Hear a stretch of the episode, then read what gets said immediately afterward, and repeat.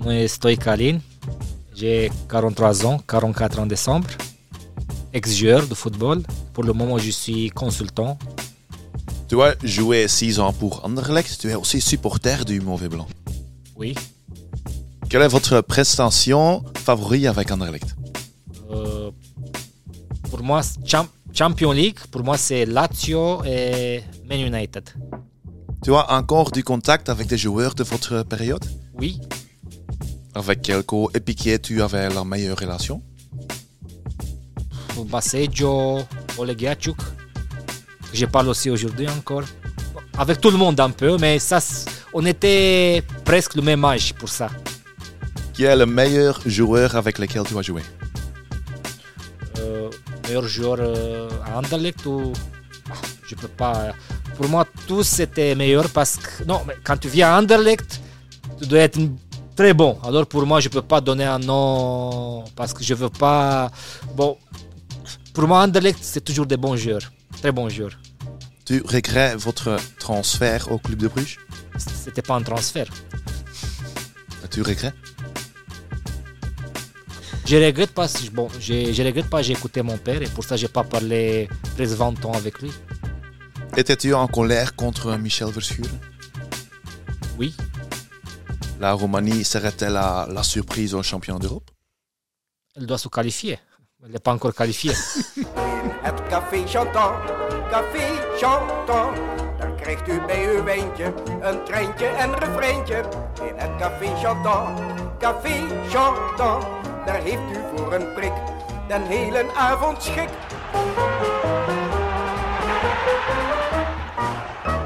Jeudi le 16 novembre, un nouveau café constant et pour l'occasion en français, je dis bonjour à Kenny, à Tim et évidemment à Aline Stoïka. Enchanté les gars. Allez, alors Bonjour à tout le monde. Bonjour Aline Stoïka, comment ça va avec toi? Ça va, ça va, bien. Merci beaucoup. Ok, Maintenant tu es en Belgique mais tu n'habites pas ici, je crois. Non, j'habite, euh, j'habite en Suisse, mais je viens souvent, souvent en Belgique. Bon, c'est, c'est un petit peu plus ma maison, non? J'ai grandi depuis jeune et puis je me sens... Je, je, je dis ça aussi en Roumanie, je me sens plutôt belge que roumain. Ok. Tu travailles aussi en, en foot maintenant? Oui, oui, en foot aussi, oui. Qu'est-ce que tu fais? Comme un consultant dans une agence de joueurs de football. Ok. C'est un petit peu un rêve pour nous, hein? Ouais, en effet. est ici. Ouais, j'étais en retard 20 minutes, donc j'ai laissé mon, euh, mon euh, héros de mon jeunesse 20 minutes en retard, donc voilà. Mais je suis. Allez, allez, j'ai dit contre Dries, j'ai ja- je, je suis jamais nerveux pour un podcast. Mais aujourd'hui, Mais aujourd'hui, c'est en français et c'est avec Aline Soika. C'est fou. C'est vraiment fou. Qu'est-ce qu'on fait? C'est fou. Ouais, il y a beaucoup, du, beaucoup de supporters d'Anderlecht qui est euh, aujourd'hui aussi supporter de- d'Aline Stoïka, ça reste. De notre génération, hein? Ouais. Ouais, Ouais, ouais, en effet, évidemment. C'est un des plus. Allez, un des plus grands artistes pour moi de, qui, a, qui a joué en light pour moi personnellement. Oui, en effet. Quand- ma, ma jeunesse était de, de Grijze Nelly Sestoika. Donc, euh, voilà. Mm. Il y a Et- beaucoup de... Non, il, a, il, il y a une chose, le, le premier but dans que j'ai vu dans le stade, c'était un but de Zetterberg. Et c'est pour ça, oui, ça, c'était mon plus grand héros. Mais Stoïka, c'est le- un très bel numéro 2, hein, je pense.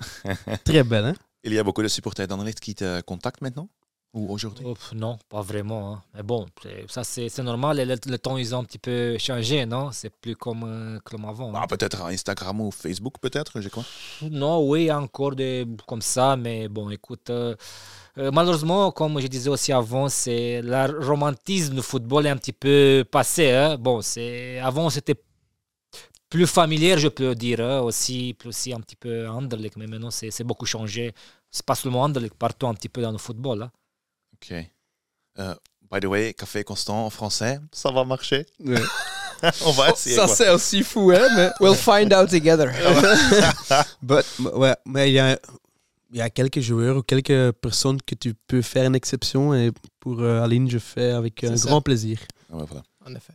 Ouais, ouais. Cette semaine, c'est le match de Diable Rouge euh, pour le 2024. J'ai vu l'équipe de Roman a une grande chance pour de qualifier.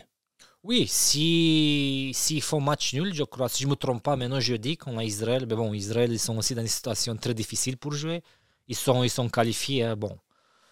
je crois qu'ils ont besoin, le foot roumain, après beaucoup des années, de jouer dans une grande compétition, comme c'est un championnat d'Europe, parce que le foot roumain, pour le moment, il est, il est en train de descendre beaucoup. hein. Il est en Mhm. train de descendre beaucoup. Mais ça, on va voir, on va voir. C'est toujours euh, Stan- Stans- ouais, Stank ou- Stanchuk. Oui, qui joue, hein? Stanchuk est le, ca- le capitaine. Ouais, euh, il est considéré pour le moment le leader de cette, de cette équipe. Bon, comme je disais, la, la- la Roumanie n'a plus comme avant des joueurs euh, talentueux qui jouent dans des grands championnats. Mm. Et pour ça, j'ai dit pour eux, c'est bien de, de- Ok. de réussir à se qualifier. Qui a peut-être le plus grand talent de cette équipe? Il y a C'est le, a- défenseur central. Oui, c'est le défenseur sens qui joue, qui joue à Genoa, il est considéré. Mm. Mais bon, on ne peut pas dire que dans son métier, oui, dans son position, c'est un talent. Parce que moi, je disais aussi, pour ça, un gardien, un défenseur, parce que chacun a ses, ses qualités, son talent. Mais je crois que c'est Stancho un peu qui, qui, qui tire un petit peu cette équipe pour le, pour le Toujours, avec aussi, oui, avec ses expériences aussi. hein, parce Tu bon, a- comprends que, que ça ça- ça n'a pas marché pour lui à Anderlecht? Ça n'a pas marché, ça n'a pas marché. Euh, Anderlecht, c'est c'est difficile à jouer, c'est difficile à gérer, Mhm. aussi avec les supporters, surtout quand tu étais, je crois, euh, le transfert le plus cher, si je ne me Mhm. trompe pas. Bon, euh, Be- Beaucoup de pression. Hein. beaucoup de pression, euh, je sais, et puis c'était comme ça, c'était comme ça, mais bon, pour le moment, pour la Roumanie, lui, il est le, Mhm. joueur qui, qui est le leader de cette équipe. hein. Ouais. Quand la Belgique euh, jouait contre la Roumanie, c'est un difficile euh, choix pour toi ou pas vraiment? Moi, j'ai dit aussi en, en Roumanie, Ouais. euh, dans les journaux, j'ai dit aussi à la télévision, pour moi, ma grande faute que je n'ai pas choisi de jouer pour l'équipe nationale belge. Mm. Pour moi, c'était une grande, grande, une grande, une grande, une grande erreur. Moi, je devais choisir pour jouer. Pas, j'avais le choix. T'as Ouais. eu, t'as eu la proposi- Oui, oui, oui, proposition oui, aussi oui, oui. j'avais le choix comme Enzo. Ah ouais. Mais oui, mais bien Ah. sûr. Mais alors, devais, devais, je devais, je devais choisir pour la Belgique. Mais bon, maintenant c'est fait parce que à Roumanie, malheureusement, la Tu- jalousie et tout ça, c'était parce que mon père aussi a été Mais, un mais très grand une joueur. autre chose, Frank Verkotter est là maintenant. Hein. Il s'est pas arrangé quelque chose. Pour, pour un match. Pour un match. pour un match, Pour un oui, oui, amical. on, on peut, on peut, on peut amical. oui, mais non, bon, c'est Tu des temps- c'est regrettes cette des- décision? Pardon? Tu regrettes cette Oui, décision? bien sûr, mais ça, j'ai dit, j'ai dit, si tu peux regarder dans les journaux roumains, j'ai dit ça. Oui, j'ai dit soit les Roumains, oui, moi, j'ai, je- mais j'ai de la vérité, moi, je suis quelqu'un honnête, que je vois, je vois les choses comme ça, et j'ai, dit qu'est-ce que je pense. Mais même si la, la vérité, ça fait mal, mais c'est comme ça. Mm. Je regrette, je devais choisir pour la, pour la Belgique. Ok, well, scoop. Non, mais c'est la vérité, c'est pas, c'est la vérité. C'est la vérité, ouais. Bien ouais, sûr, ouais. mais vous pouvez, vous Ouais. pouvez vérifier dans les journaux roumains, hein, tu c'est pas penses- que j'ai dit ici, hein. allez, J'ai dit aussi chez, en Roumanie, hein. tu, tu- allez, tu penses qu'il a, il, a- il a, il a eu l'occasion de jouer avec Gert Frey, mais encore il veut jouer en, en- en équipe nationale. C'est belle ça. Que- Nous allons parler de votre passage à Anderlecht dans un instant, mais d'abord, euh, tu allais voir le match euh, Gand-Anderlecht? Euh, maintenant dimanche. Ouais, Oui, euh, oui, j'étais la voir. semaine oui, passée, j'étais voir, ouais. oui, dimanche, oui. C'était sur invitation ou- Oui, oui, c'était bon. J'ai eu des tickets avec euh, Daniel Milicevic, l'adjoint de, de Gand. Ah ouais. Ok. Et comme ça, j'étais avec quelqu'un, oui. Bon, je- surtout, c'était un- normalement, c'était un derby, non? C'était un match pour euh, qui, Un qui, petit peu spécial. ouais. qui gagnait et pouvait être 12e. Non, maintenant, ça reste Anderlecht 12e, mais je, je, cro- je croyais que ça peut être un, un bon match. Je, je croyais. C'est pas vraiment un match spectaculaire. je voulais quitter à la mi-temps le stade. hein. Qu'est-ce que tu penses d'Anderlecht maintenant? Quand tu es honnête. J'ai j'ai vu seulement cette match de dimanche. Je ne sais pas comment ils jouent. Mais ils sont là, ils sont 12e. Et j'espère que s'ils vont rentrer dans les playoffs, ils ne vont pas jouer comme ça parce qu'ils ne vont pas avoir de Mm. chance. Euh, Pour moi, ce n'était Voilà. pas, c'était pas Anderlecht. Anderlecht, pour moi, ça ne devait pas dominer par, par Gand. Mm. Parce qu'on ne doit pas oublier, ils ont joué aussi jeudi. Ils ont joué ici en Islande avec, euh, avec euh, le temps qui était là-bas, avec euh, le voyage. Voilà. Si, et Anderlecht, il ne pouvait, pas- se faire ci comme ça, pas dominer, mais laisser jouer Gand. C'était vraiment. les- pff, certainement, après le, le dernier semaine, que le niveau était plus, plus- euh, un petit peu plus haut et le, on avait euh, vu beaucoup de buts et tout ça. Oui, mais le niveau, Mais haut- le niveau, pour moi, le niveau pro, ça devait être comme standard, qu'ils ont pris trois buts en 10 minutes. Ouais, ouais. Gand, contre des grandes équipes parce qu'on l'ouvrait et tout ça. Je me, je me pose la question si un match comme ça était mauvais, s'ils jouent contre euh, Louvain ou contre, tu vois. Mais bon. Le, le- le- truc, on a téléphoné j- le- la soirée de, de match contre Louvain. Louvain Oui, oui, oui. Et tu m'as dit, il va perdre. Oui, bon, j'ai dit, ils ont, ils étaient menés en zéro. Hein. Ouais, Mais c'est- bon, t'as raison. mais Non, bon, Je crois, j'espère qu'ils vont pas jouer comme ça en playoff, parce qu'ils jouent comme ça, je sais pas Mm. combien de chances ils vont avoir. Bon. Le chance, ce- ce n'est pas quelque chose qui. Allez, t'as pas chaque match de la chance. De la chance hein. Et je pense que Rimmer avait un petit peu de peur après Standard de, de jouer vraiment Je- ouvert et attaquer. Oui, mais Que, que je comprends aussi, mais bon. C'est pas vraiment le style d'Anderlecht. c'est pas Non. si d'Anderlecht, mais on- pour dire, nous sommes dans la situation où on est, c'est. Je comprends dans une manière. Voilà, on avait 2-3 ans que, que quand on jouait Gand, Standard et Genk, on n'avait aucune chance, de, allez, aucune occasion de ga- gagner. Maintenant, on a une certaine stabi- stabilité. Nous on sommes, est- nous sommes dans le match. voilà. Et, et cha- chaque, fois que euh, il, y a, il y a une perte de, de balle de, de, de gants, euh, Hmm. F- On était en euh, position et voilà. Il, y avait, il y avait quatre chances aussi. Hein. voilà. Mais, mais, mais parce que c'est euh, des autres joueurs. bah, Tu restes un supporter de Mauvais Blanc? Ah, bien sûr, hein, bien sûr. Ouais. hein, oui, bon, euh, je suis venu jeune, je suis, j'ai, vécu ici les, les meilleurs moments, alors pour moi, ça, ça reste toujours, mais comme je disais, ça me fait mal euh, un petit peu parce que l'esprit d'Anderlecht est parti. Pour moi, comme je disais aussi à Kenny, pour moi, Anderlecht, ça devait être Enzo Schifo, ça devait être Philippe De Wilde, Basseggio, avec tout le respect pour ces Danois, mais. Maintenant, si, les, si ces Danois ils ont venu et ils croient qu'ils qu'ils connaissent le football, je m'excuse. Ça, c'est plus Anderlecht. hein. Avant, il y, avait, il y avait quelque chose de spécial là-bas. Il y avait quelque chose de familial, avec quelque chose qui, qui. Tu avais peur d'Anderlecht. Mais comme tu dis, Anderlecht, il doit pas jouer avoir la chance. Anderlecht, il doit se créer, gagner des matchs. Pas attendre qu'ils ont la chance. hein. Euh, pour moi, ça, j'ai dit toujours, comme ça, j'ai grandi, je m'excuse, Ouais. mais quand je suis, Nous aussi, je suis, nous je aussi, suis, je suis simple, parti de Steaua Bucarest, qui a gagné Champions League avec mon père. J'ai grandi avec des, des grands clubs pour gagner. On ne doit pas attendre que les autres ils font des fautes pour gagner. Non. Et surtout, Anderlecht, aujourd'hui, on ne doit pas oublier, ils ont acheté Thor Hazard, euh, Dolberg, ils ont, quand même, ils ont fait euh, des, des, des, des- transferts, entre guillemets. Bon, Mhm. ils doivent jouer, ils doivent avoir peur. hein. Faut jouer au foot, ouais. Ils doivent jouer au foot, ils doivent avoir- peur. Si tu as peur de standard, mais aussi pour moi, Gand, ça va, c'est pas, c'est, c'est, pas, c'est pas une grande équipe. Hein. Ah, merci, pour merci, ce que Aline, j'ai eu merci. hein, pour eux. hein. Ouais, ouais, ouais. Merci. Anderlecht a connu des années difficiles. Est-ce que ça t'a fait mal? Oui, bien sûr, euh, surtout voir euh, qu'ils ne jouent pas la Coupe d'Europe. hein. Ça fait mal hein, parce que déjà, euh, un club comme Anderlecht, chaque année, pour moi, il doit être champion. non parce que ou, ou se battre pour le championnat. Mais déjà, pas gagner, pas gagner, pas gagner, pas être européen Mm. ou pas être troisième que l'année passée, ça, c'est normal que ça fait de, fait de mal. Mais euh, comme j'ai dit, euh, si tu mets quelqu'un conduire un, Rolls-Royce, il ne sait pas, il sait conduire un Fiat. Pour moi, c'est comme ça Anderlecht. Anderlecht, pour moi, c'est un Rolls-Royce. C'est des, c'est des gens qui savent conduire seulement des, des Fiat ou des Dacia, ou, avec C'est- tout le respect pour les voitures. hein. C'est fou, Non, hein. mais c'est la Il dit vérité. toutes les choses que Et- nous, dit, allez, que nous pensons comme supporters. C'est tout. c'est un et- c'est fou. Et c'est Allez, tout. et, et pour ça, ça fait un petit peu mal, comme je disais, qu'il n'y a pas des, des anciens joueurs qui ont fait histoire pour ces clubs. Il y a ces Danois que je ne sais pas qu'est-ce qu'il a gagné, Mm. le, le directeur sportif à Vilborg où il a été, ou l'entraîneur. Tu ne peux, pas- tu peux pas mettre à Anderlecht un entraîneur qui a jamais été comme T1, parce qu'il n'a jamais été T1. Mm. Il n'a Mhm. jamais gagné quelque chose. Tu mets- Ça aussi, c'est manque de respect. Mais bon, si comme ça, les, les- qui a acheté Anderlecht, ils voient le, le Anderlecht euh, qui croit que c'est Ostend, parce qu'il vient d'Ostend, avec le respect. Oui, Ostend maintenant Tu- veux être euh, peut-être le T2 ou T3 Non, non. non. C'est pas votre non, ambition? Non. Pas du tout. Avec Oleg. Non, mais.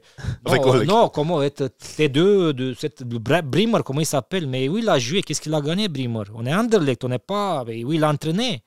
Le T1, je sais pas moi, du Brighton ou. Non, non, non, T3. T3, T3, il a entraîné les femmes ou quoi? Qu'est-ce qu'il a Ouais, il a raison, mais tout le respect. je, hein. je pense que. Qu'est-ce pense- qu'il va m'apprendre, lui, de football?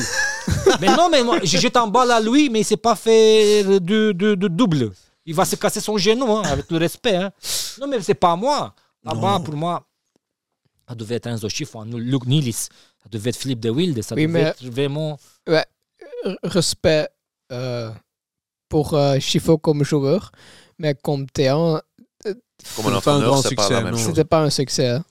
Non, mais je pense pas que, que, que chaque ancien footballeur a le, le potentiel de devi- devenir un, un bon entraîneur. Mais je, je comprends ce que Aline veut dire, que c'est un petit peu bizarre qu'un un T2 ou un T- T3 de, de Brentford ou Bright, euh, Brentford? Ouais, c'est- devenu. Oui, ok. Mais je, je pense pas que, le, le- que Riemer a le problème d'Anderlecht aujourd'hui. Non, non, pas du tout. Je pense. Allez, on- on- on- il y a, il a de, de, de Tu veux, progrès dire, dans le tu jeu. veux dire qu'il n'y a pas vraiment beaucoup de personnes qui, qui savent que... Ouais, ça, il a raison. Ça, il a raison. Le chose que, le même chose que comme avec Zetterberg qui a passé avec Zetterberg, les choses comme ça. Ouais, après, Ça, c'est un petit peu pire, tu- hein, Tu, tu peux, tu mets Zetterberg dehors et puis tu fais Luc Niels venir, il l'a fait venir deux Pour semaines. pour une pour demi-jour. Oui, hein. c'est quoi ça? Ça, on voit ici que les, les gens, ils savent pas qu'est-ce que c'est André. Tu peux pas. Tu peux pas avec des gens qui... C'est c'est grâce à ces gens qu'eux, Mhm. ils sont maintenant là. Ouais, mais ce- pour moi, ça, j'ai dit. Pour moi, les supporters sont les seuls qui ça reste toujours. Les joueurs aussi, ça vient ou ça part. Mais ici, des joueurs comme ça, ils ont grandi là-bas. Comme, aussi, euh, les supporters sont- ont changé. hein. Quand tout, dans l'époque, jouer contre l'Ocre et c'était 1-0, c'était bordel. Et les gens sifflent et c'était oh, pas bon, quel match de pire. Maintenant, quand on les gagne, les supporters sont contents. C'est simple. On est évolué un petit peu comme ça. C'est simple. C'est normal aussi. C'est normal que, que on, on vient. Voilà. Mais Oui, non, c'est vrai, c'est vrai. J'ai vu aussi au match de dimanche. Les, les gens, ils- non, non, mais pas, pas, avec aussi les supporters de Gond. Ils restent comme ça. C'est Mais- plus comme avant. C'est. t'as pas, t'as pas vu ça un petit peu la même chose en, en, en 90 euh, ou 2000 que quand Anderlecht est devenu le, le première fois champion en 5, 6, 7 ans? Parce que c'est 6 ans 6 ans, je pense, 6 ans sans titre. ouais. Oui. Le moment là, c'était euphorie. Mais un an plus tard, c'était plus de critiques, Une plus de. déception. hein. Voilà, non, c'est juste parce que les gens, ok, nous- maintenant nous sommes ch- champions et maintenant c'est chaque année on joue pour le, le titre. Oui. Ça, c'est ça, ça, aussi Anderlecht. Le, le- C'est normal, c'est le même pour les équipes comme j'étais à Bucarest, euh, par exemple, qui, étaient- qui étaient des, des- des- des- des grands clubs. en Europe. Euh, Maintenant, s'il y a un titre, il y a un titre, nous sommes très contents. Hmm. Et pour le reste, oui. Maintenant, je donne, je donne- main pour un titre. hein, c'est ça, Oui, bien sûr. Bien. Non, mais aussi à l'époque, on était champion Chaque- 2000. chaque et, puis, et puis, malheureusement, les offices sont venus. On a, le club a vendu Kohler, Razinski, euh, Gore. C'est normal, quand tu changes quatre équipes, quatre Ouais, joueurs, ok. cinq joueurs, c'est difficile. Hein? Mais Ça, après, aussi, après je, je, je veux dire que euh, 2000, c'était la, la fondation pour tout le bon année on, a- on avait après. Hein. Tout le titre, tout le, le succès, on avait après. C'est C'est simple. Hein? Allez, Oui, bien sûr. ça, oui. c'est la fondation. Hein? Allez. Bien sûr. Hein? Est-ce que Stoïka euh, jouerait aujourd'hui, tu penses? Certainement, Ah ouais. oui. Certainement, ouais. Pas de doute? Ah Non, non. Non, pas, au- aucun Non, doute.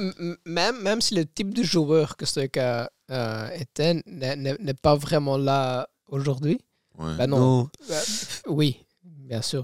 joue. Allez, dis toujours en 2000, on avait une équipe. C'était vraiment une équipe.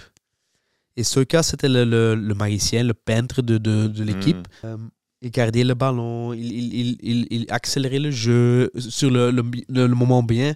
Et dans l'équipe qu'on a maintenant, c'est un petit peu Torgan Hazard. Si on veut faire une comparaison Ouais. ensemble, Non, parce que lui a la classe aussi, pour, pour mais le même. pour l'instant, on a des joueurs comme euh, Struikens et Verscharen, avec tout le respect pour Struikens et Verscharen. Si les Ah, joueurs oui. comme ça peuvent jouer en Anderlecht euh, Avec pour l'instant, avec ça c'est va peu. être plus- En Roumanie, tu as un, un vraiment talent. hein. Euh, je pense que 15 ans, 16 ans, euh, ils ont dit que tu es le nouveau Hadji. C'est beaucoup de pression pour un jeune, je crois. Non, parce que moi, j'ai grandi avec la pression depuis jeune. Hein, et C'est normal pour beaucoup, toi. moi, moi, quand j'ai dit, je ne me compare pas avec des autres joueurs. Hein. Mais à cet âge, à 16 ans, bon, je suis parti. Moi, je ne suivais pas qu'est-ce qu'il dit, hein, tu vois, mais c'est pas une pression parce que euh, depuis quand je suis rentré à- en football, moi, j'ai gagné. Depuis jeune, j'ai gagné des trophées. Pour moi, ça, pour moi, ça, m'intéresse, ça m'intéressait seulement gagner.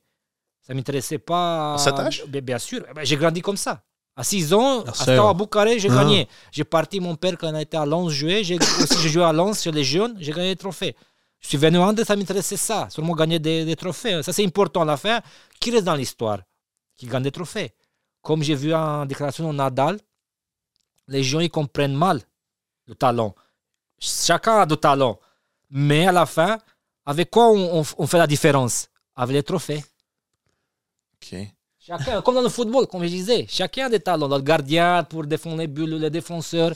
Chaque équipe a du talent. Chaque équipe, si maintenant tu demandes un joueur de euh, Jupiler League, Tu Jupiler League s'appelle que T'es un grand joueur, oui. Mais combien de trophées? Zéro. Je m'excuse. T'as Moi, j'ai dit, tu as joué pour rien au football. Mais tu- tu trouves pas que aujourd'hui que, que statistiques sont trop importants? Parce qu'on a, on a eu aussi quelques, quelques, quelques fans qui ont euh, envoyé un message qui disent voilà, ouais, Soika, il n'y a pas de statistiques en licht. Il a joué euh, 130 matchs et il a marqué 30 buts. Ah ouais, ok. Oui, il y a, il y a des gens qui disent ça. Oui, mais. Mais pour moi, moi, je pense, euh, là, Oui, je comprends mais- rien de football, Oui, mais ok, mais. Oui, mais. Ouais, ok, moi, mais, moi, moi, ça m'intéresse qu'est-ce que j'ai gagné dans ma vie. hein. J'ai Ah, 12, ok. j'ai 12 trophées. Hein. Mais je pas pense qu'il y a deux côtés de cette histoire. Ont Oui, gagné oui, des trophées, oui, allez, oui, mais, mais le, le trophée là, pour, si, si, si j'ai j'ai marqué Anderlecht 100 buts et j'ai j'ai gagné. allez, pour dire quelque trophée. chose. Pour dire quelque chose. C'est où la, la, la problème je, voulais, je voulais pas marquer 100 buts à Anderlecht Hein? ou ma carrière euh, 1000 buts, zéro trophée. oui, mais j'ai marqué les buts pour raison. rien. Bah, t'as raison, mais pour dire que. J'ai que marqué dit- les buts pour que rien. dit- hein. Mais les gens aujourd'hui, bon, ils sont, ils sont comme ça, ils comprennent rien de football. hein. Le jeune Alain Stoica, as-tu une, as-tu eu une enfance peut-être mais plus difficile en Roumanie ou- Non, vraiment? Non, non, non. Non, Je pose la question parce que- Laszlo Belloni a dit dans une interview euh, quelques années passées hein, que votre père, Tudorel euh, Stoica, n'était pas autorisé à amener ses deux enfants avec lui quand il a été euh, allé jouer pour Lens. C'est un peu bizarre pour, Ah moi, oui, pour oui, oui. Bon, euh, ma soeur, elle pouvait aller, mais moi, je ne pouvais pas aller parce que je faisais l'école. Tu vois. Mais après, j'étais six mois. Quand la révolution est venue en 89, mon père était là en décembre et j'étais aussi six mois. Mais moi, je ne pouvais pas aller parce que je faisais l'école. C'est juste parce qu'il y avait la- le communisme. Dans le communisme, si tu faisais l'école, tu ne pouvais pas, tu pouvais pas quitter la- la- le pays. hein. Paye, ouais. Oui. Mais non, pour le reste, non. Toujours, j'étais avec lui au stade et tout ça. Pour moi, ça, c'était important quand j'étais jeune. Au match et tout ça, j'ai resté sur le banc de touche parce que je pouvais. À l'époque, je pouvais. Et tout ça. Alors, c'était... Et puis, je suis parti en France. Pour ça, j'ai dit. hein, Ok, ok, ok. Euh, Tu arrives à Anderlecht en 1996. En ce moment, tu as 17 ans. Tu arrives seul ici. 16 ans. 16 ans. 16 ans. Tu arrives seul ici? Non, aussi ma famille est venue avec moi. Votre Ma mère, famille, votre père Oui, oui, parce que ma soeur, euh, elle, euh, comme elle a fait l'école en France, elle a commencé en France, elle a continué en Roumanie, à Mm. l'ambassade de, de France, en français, des études. Et puis elle a continué en Belgique, elle a fini en Belgique les études. Et pourquoi Anderlecht, ce moment-là? Ouais, bon, Qui bonne est- question. qui a, qui a fait Pourquoi tu choisis l'Anderlecht? qui, est- qui était le contact, tu sais ça Paul qui, qui a arrangé Paul- le Paul- transfert Paul au, Courant. Paul Courant. au courant, ouais. En ce Paul Courant, moment. il m'a vu au championnat d'Europe pendant 96 en Autriche. Et là, quand Selimech il est, il est venu, Ah et ouais, puis ils avaient aussi mes, mes, mes, mes- comment on dit, mes fiches. Et comme ça, le transfert était possible parce que bon, j'ai. Mais je crois qu'il y a beaucoup des autres euh, équipes qui sont intéressées à vous, non? Bon, moi, je sais pas. Je sais que quand j'étais en France, je pouvais rester à 10 ans quand mon père a quitté Lens à l'académie. Mais bon, j'étais jeune et tout ça. Ouais. Mais bon, comme je disais, c'est bien parce que je suis passé d'une équipe qui jouait toujours pour gagner des titres dans une équipe, notre équipe qui jouait. C'était plus facile pour m'adapter. Alors, euh, Qui- la, la mentalité restait la, la même. hein. Tu arrives à Anderlecht. Je pense qu'il n'y a pas une, une cellule sociale à Anderlecht à ce moment. Il n'y a pas une personne qui te qui aide un petit peu. Oui, non, bon, c'était c'était Selimech, le Romain, Tibor. Selimech, qui était transféré. C'est un joueur. Oui. Mais non, mais Back gauche. j'avais pas besoin avant, c'était ma famille avec moi. Et puis dans le football, tu viens au stade, tu t'entraînes et tout ça, tu, tu, tu fais ton boulot. Hein, non, mais c'est vrai, c'était pas comme, comme aujourd'hui, mais je crois que c'était plus familial que- qu'aujourd'hui avant. hein, c'était plus, plus facile. Et puis il y avait beaucoup de jeunes. hein. Il y avait Obiora, il y avait Olysée, il y Ouais, avait ok. aussi Achou qui est venu, Basseggio. Alors euh, on était aussi beaucoup de jeunes. hein. Tu étais directement intégré dans l'équipe Euh, oui, oui, Ouais. oui. Mais j'ai joué souvent avec euh, les réserves. hein. réserve. Je m'entraînais avec euh, l'équipe A. Qui était entraîneur de réserve? Euh, Verkouter, non? euh, Non, je Au début, pas qu'il n'était pas. hein, je me pas rappelle, Non, non. Ah, ok. Je me rappelle plus. euh, oui, oui, oui, je me rappelle plus. Tu, tu parlais pas français à ce moment-là? Oui, j'ai parlé parce que j'ai déjà été en France. Ah oui, bien sûr. Et puis aussi en Roumanie, à l'école, on faisait français. Ok, ok. Ouais. Au début de, de l'interview euh, maintenant, euh, tu ne fais pas dire qui est votre favorable équipier. Quoi, Coéquipier.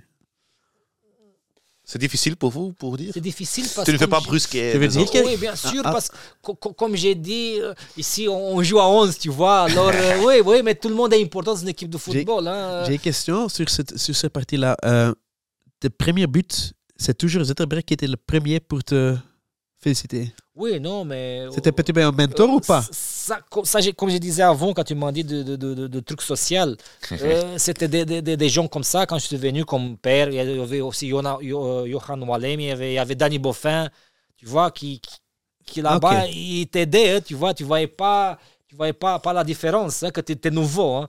Pour ça, j'ai dit qu'avant, c'était plus familial, les joueurs étaient plus, plus comment on dit, plus ah, copains. Je, je sais Ah pas ouais. aujourd'hui comment, mais aujourd'hui, je sais que bon, il y a beaucoup de jeunes qui sont, qui sont enseignants. Et ça, pour moi aussi, le foot, il a changé beaucoup parce qu'avant, tu avais beaucoup la. On a parlé quelques semaines passées avec euh, Mike Verstraeten. Il nous dit qu'il a un petit peu un père pour lui. euh, Mike. Mike que Verstraeten. lui, il est un père pour moi. Ouais, ouais. Ah oui, oui, oui, Mike C'est vrai? aussi, oui, bien sûr. Mais écoute, Ah, moi j'étais jeune, moi, moi j'écoutais de, de- de tout le monde parce que tu, tu apprends de, de- de tout le monde quelque chose. hein, et, et oui, bon, Mike, comme je disais, c'était un gentil, un gentil, un gentil gars. Quand il est venu, malheureusement, il a, il a eu cette blessure que bon, il a un petit peu, il a un petit peu, comment on dit, euh, stoppé un petit peu. hein, parce que sinon, écoute, euh, quand tu viens à Anderlecht, ça veut dire que tu as de, de très grande qualité. hein. Aussi à cette période, l'entraîneur Anderlecht, c'est Johan Boskamp. C'est un petit peu un homme spécial, je crois. Euh, tu l'aimerais? Ah oui, bien sûr, bien sûr. hein, Mais après lui, euh, il m'a voulu aussi, quand il était à Genk, me prendre à Genk. Ouais. Et tout ça, c'était quelqu'un qui aimait surtout les joueurs, euh, les joueurs euh, Techniques. Mais Et André, c'était aussi Gilles de Bild, et c'était avant. que Il a je lancé. euh, Alors, euh, Mais je crois, euh, il ne parle pas le français, hein, Johan Boskamp. Oui, tu parles oui, il parlait un petit peu, il parlait un petit peu. Ah ouais Oui, mais moi, moi, j'ai pas, moi, j'ai, moi, j'ai- petit peu. oui, moi, je parle aussi anglais, alors. euh, Ah, Ah ouais, ok, pas, comme ça, Pas ouais. très bien comme le Ça français, mais ça marchait, c'était pas, Ouais. c'était pas un Je problème. pense que. Boskamp est quelqu'un qui, quand il, il va le tal- talent, Ouais. il donne l'amour. C'est simple. Ouais. Oui, oui, c'est ça. C'est Ouais. aussi un. Le- oui, le- le- les images de, de Johan Boskamp qui euh, euh, voit euh, Luc Nielis euh, aux Pays-Bas. C'est Tous les joueurs techniques aiment euh, Boskamp. hein. C'est Ah, c'est simple Oui, comme oui, ça. C'était quelqu'un qui. qui bah, euh, c'est aussi un Hollandais qui aussi il aimait, il aimait, oui, il aimait, il aidait aussi, aussi les jeunes et tout ça. On a vu, je crois, que c'est lui qui a promouvé Walter Basseggio. Ouais, non ouais, Obiora aussi a Ouais. toujours les aimé, les, les joueurs avec qualité. Il, aimait, Il a, fait, il, il a fait ça pendant toute sa carrière. C'est sa carrière. Prenez le, le, je- le jeune joueur et tout ça, et lancer le jeune joueur. Donc, euh, Tu fais tes débuts contre euh, Ostende. Euh, tu remplaces Yao Preko. Euh, ces saisons-là, tu as joué principalement avec les réserves, je crois. Oui, bien sûr, oui. oui. Pourquoi? Hein Je sais pas, c'était l'entraîneur euh, euh, Qui a décidé Boskamp, oui. Non, mais bon, peut-être j'avais 16 ans et j'étais pas encore, j'étais pas encore prêt, pour, ouais. pour la C'est pas, c'est pas difficile pour toi? Je sais pas. c'est- Dire À ce moment. Dire maintenant oui ou non, c'était. c'est- Parce que Mm. tu as joué avec Steaua dans la première équipe. hein Oui, j'ai joué, mais aussi j'ai joué un match là-bas aussi. hein. Un match, J'étais- ouais. C'est la saison aussi, j'ai joué un match à Steaua aussi. hein. La saison prochaine, le coach René van der Rijken. Je pense qu'il avait beaucoup de confiance en toi parce que tu, tu commences à beaucoup de matchs avec Anderlecht. Tu marques aussi votre premier but euh, contre euh, Poltava. Euh, et comme souvent, c'est un but extra, euh, extraordinaire. Oui, c'est lui C'est qui- difficile pour toi pour, pour faire des buts. euh, ouais. Non, je pense pas que c'était tu- difficile pour lui. Hein? Euh, c'est c'est des matchs, des matchs de, de, de, de Coupe d'Europe. Pour ça, pour ça, pour ça, tu, tu aimes jouer, non? Voilà. et, et comme j'ai dit, non, c'est il, il avait quelques supporters qui ont dit ce but-là. Pour, ah, pour le moment Le le, plus favorable. ouais, le plus moment de- favorable, ouais. ouais. C'était ce but-là. C'est une belle, c'est une belle C'est but. le bel but. Oui, oui, bon. C'est, c'est, c'est- parce que bon, on, a, on a gagné, je crois, 2-0. Je sais pas Ouais. que. Et puis, bon, on a. C'était un but important aussi, je pense. Ouais, hein. Oui, c'était Ouais. 2-0. Non, on n'est pas qualifié, on est- mais c'était plus tranquille pour, euh, Ouais, ouais, pour aller pour, là-bas. pour- pour aller là-bas. hein. Mais À ce moment-là, qu'est-ce que tu penses? Écoute, euh, je te dis, pour, pour moi, c'était. La tranquillité, ça venait quand on gagnait. C'est comme ça j'ai grandi, hein, tu vois. Oui, quand je gagnais les, les- les trophées. Parce que tu sais, À ce moment, vous êtes, vous êtes mais 17, c'est- c'est- 10, mais oui, non, mais 18 ans. euh, c'est pas, c'est pas, c'est pas important comment tu commences. C'est pas est- important comment tu commences, c'est comment tu finis. Aussi dans le championnat, tu peux commencer bien à 5, 10 matchs, mais après, si tu tu, tu, tu, tu joues pas bien et tu perds championnat, c'est ça, c'est ça important pour moi. Le- Surtout le- quand tu joues dans des, dans des clubs comme ça. Pourquoi tu as joué avec le numéro 3 Bonne Je sais pas, c'est c'est comme ça, ils m'ont ils m'ont- ils m'ont Le donné plus comme ça. bel 3 dans l'Est, dans toute l'histoire. l'histoire. Oui, je sais pas. Il n'y a pas une raison. C'était encore le, le, le temps que c'était 20 numéros, quelque chose comme ça, où t'as- Oui, oui, tu, devais prendre après, le oui. toit ou quelque chose comme Oui, non, ça, ils m'ont donné. Et avec ça, je suis resté jusqu'à quand ils m'ont donné le, le 11. Je- Ou Cette l'entraîneur a pensé que tu étais un bas gauche ou quoi ou... Oui, oui, ou peut-être le magasionné, je sais pas sur, qui m'a. sur un traitement, oui, c'est un bas gauche Oui, celui-là. le ouais. magasionné, je sais pas qui m'a. ou le- Oui. Non, c'est- mais je crois que c'est- c'est pas important le numéro Non, non, joue, non, c'est- Mais tu marques seulement de très bons buts. Euh, ma but favorable est votre but contre Leeds United. Quel est votre favori Euh, j'ai, euh, j'ai quelques buts. Leeds, Ouais, c'est, difficile à choisir. Leeds, c'est une, mais euh, sur euh, Genk. Ah ouais. Oui, bien Parce que- Un des choses, allez, euh, comment on dit en anglais, signature move, c'était le contrôle poitrine. Ouais. Ouais, C'était ouais, vraiment ouais. fort avec ça, de, de vraiment après directement. euh, et le volet après. Mais oui, ça c'est une. euh, euh, Euh, Roma. Euh, Lazio. Lazio. Ja. Tu as un but préféré? Oui, euh, oui, ça, peut-être ça aussi. hein. Celui-là, c'est contre. Il y a des images, il y a des images là pour. euh, c'est contre. Aussi, le but de la victoire, oui. Ah oui, Oui, en, oui, en c'est effet. Quand on s'est qualifié. Oui, oui, ça c'était. Le- Ça, c'est. Ça, j'ai dit, ça, c'est pour moi des buts importants quand ça Il y a- compte. Il y a que- aussi un, un but, un premier poteau, volé. Euh, en compétition. Euh, Charleroi? contre Ekeren, Ekeren. Dans la saison 97, euh, 98, tu deviens un favori du public. Hein? Euh, D'un autre côté, tu avais l'air d'un garçon moins plus timide en cette période. Oui, mais j'étais aussi plus jeune. Hein. Normal, j'avais 18 ans et tout ça, c'est. Je crois que c'est normal un petit peu. Bon, quand t'es. Moi aussi, j'étais quelqu'un qui. Je voulais pas passer devant. J'aimais pas ça, tu vois. Alors, euh, j'aimais toujours, bon, faire mon match, gagner, pour être tranquille et après aller à la maison. hein. Alors, euh, bon. Mais c'est aussi, je crois, la- la- l'âge. hein. C'est normal. Quand tu es plus jeune, tu es un petit peu plus, bon, plus discret, plus. Tu n'étais pas un, un party animal? Non. en ce moment? Non, non, non. Non, je crois, bon, c'est aussi, comme je disais, j'aime pas toujours être. euh, faire comme ça, devant, faire euh, le, le cinéma, tu vois. J'aimais plutôt être, être tranquille et. bon. Tu étais conscient de la popularité en ce moment? Avec les supporters? Non, surtout qu'est-ce que j'aimais? J'aimais l'amour des supporters, ça, parce que comme ça, je suis grandi de, de petit et ça, c'était pour moi, pour moi important, tu vois. Ok. Il y avait ça aussi un certain mystère parce que tu marques des buts de, de classe mondiale et après tu réagis vraiment euh, moins ou plus froidement.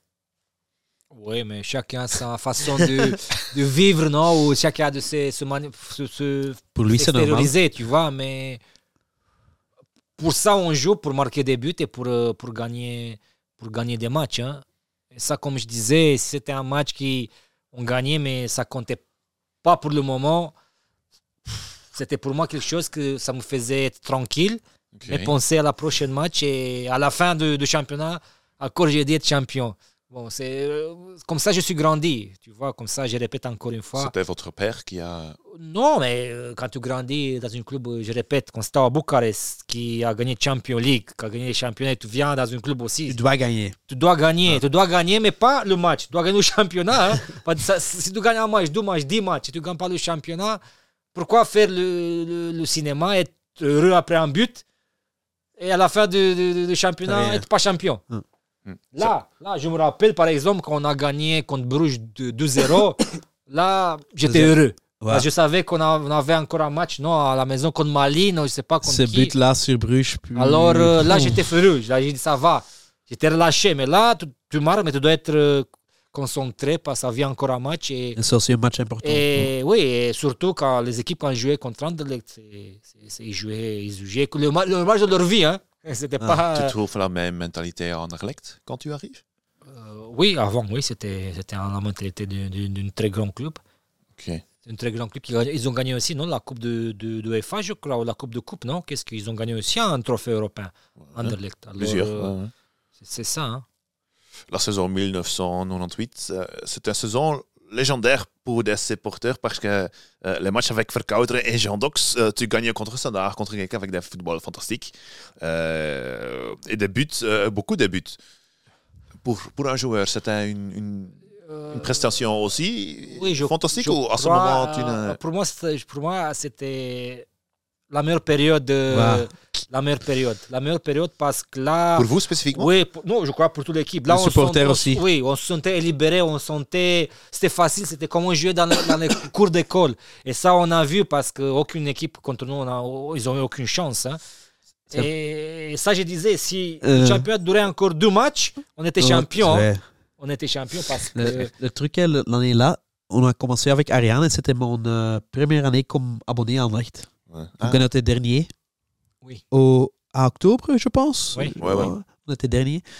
Et euh, ah, et Doxa a été devenu Au milieu de Mais ça, je peux. le, le, le, le presse était toujours ah, Barsetcho et Zetterberg, c'est pas joué pas. ensemble.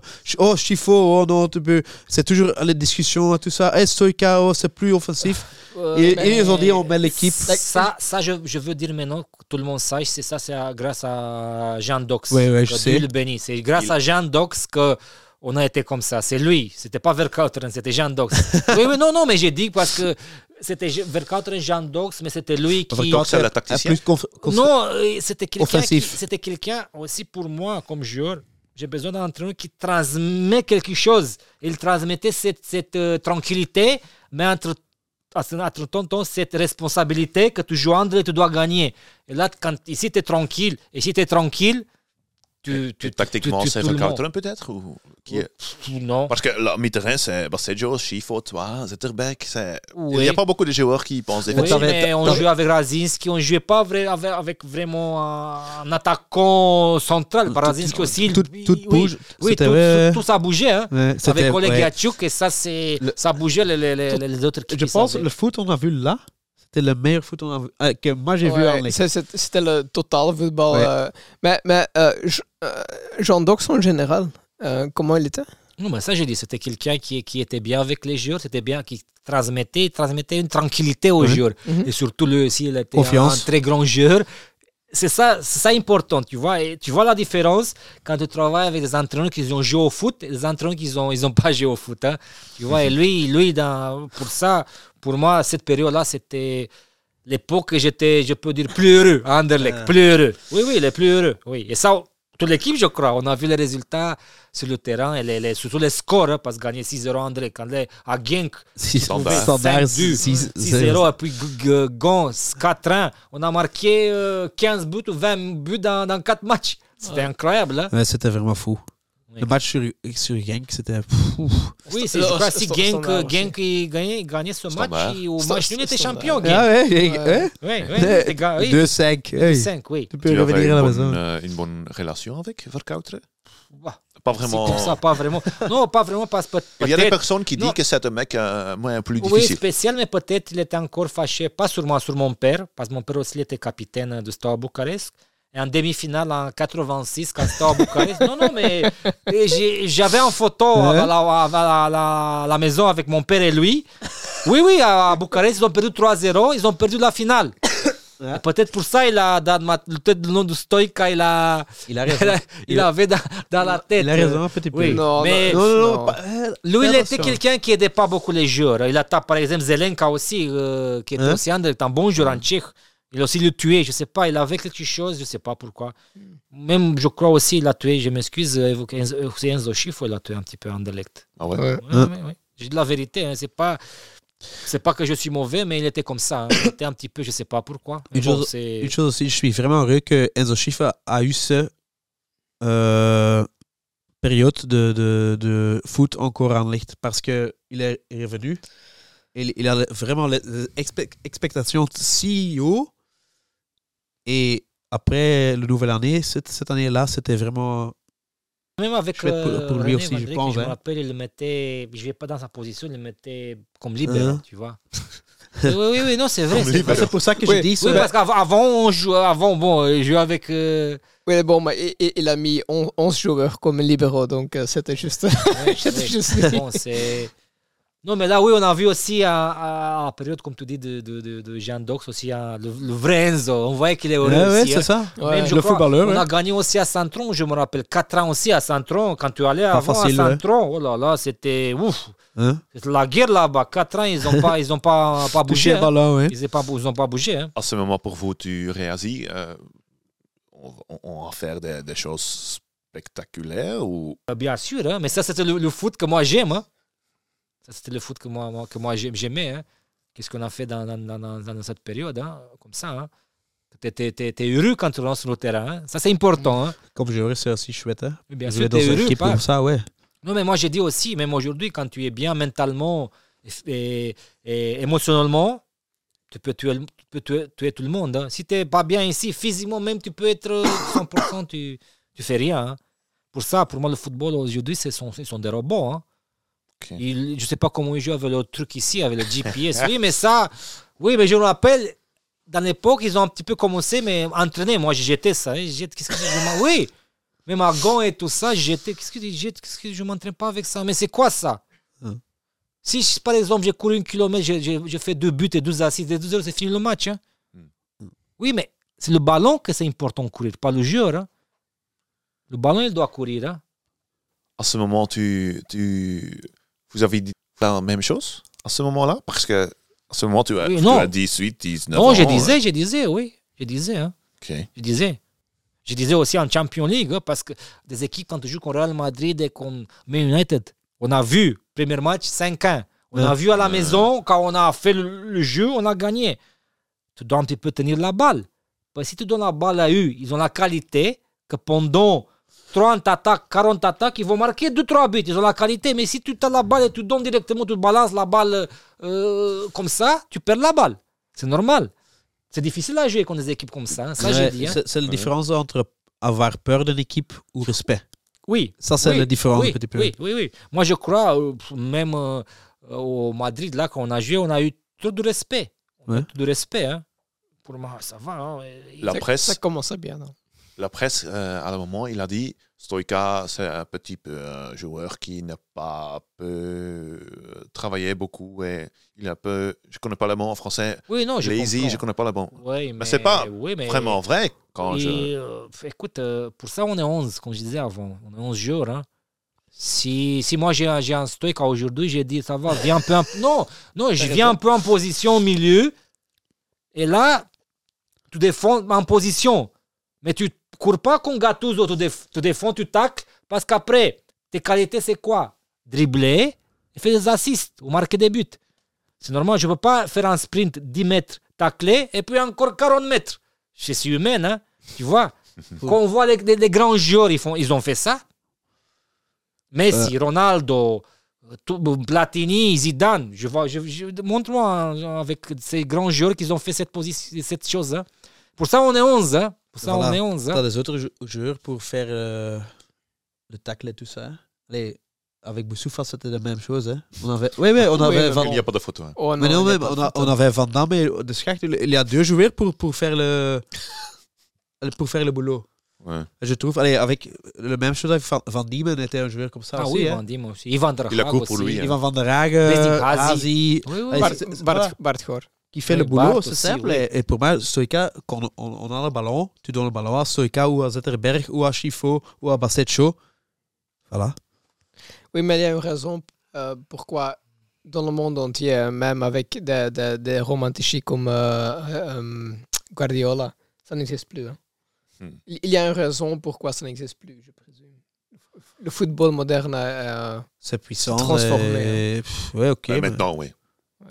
En saison 1999, tu avais beaucoup de blessures, je crois, parce que tu ne jouais pas beaucoup. à ce- à Oui, c'est quand, c'est quand Antonis est venu, je crois, non? C'est quand Antonis est devenu entraîneur, non? Ouais. Il n'y a pas beaucoup de blessures avec toi? Non, mais si je crois c'est. Je crois il a, il a eu un petit peu mal euh, le but que j'ai marqué contre lui. non, pas, je me rappelle maintenant, je me rappelle maintenant, il y a, il y a eu un entraînement euh, en Herpet, je sais pas, je crois, ça c'est sérieux, et je crois qu'il voulait faire le chef, je sais pas qu'est-ce qu'il a voulu faire. Il a créé une fois sur Zetterberg. Hein? Zetterberg il a répondu. Mais bon, il y avait un exercice normal, je sais pas qu'est-ce qu'il voulait lui faire quand même. Pour moi, Anthony, il a, il a fait qu'est-ce qu'il a fait à Anderlecht?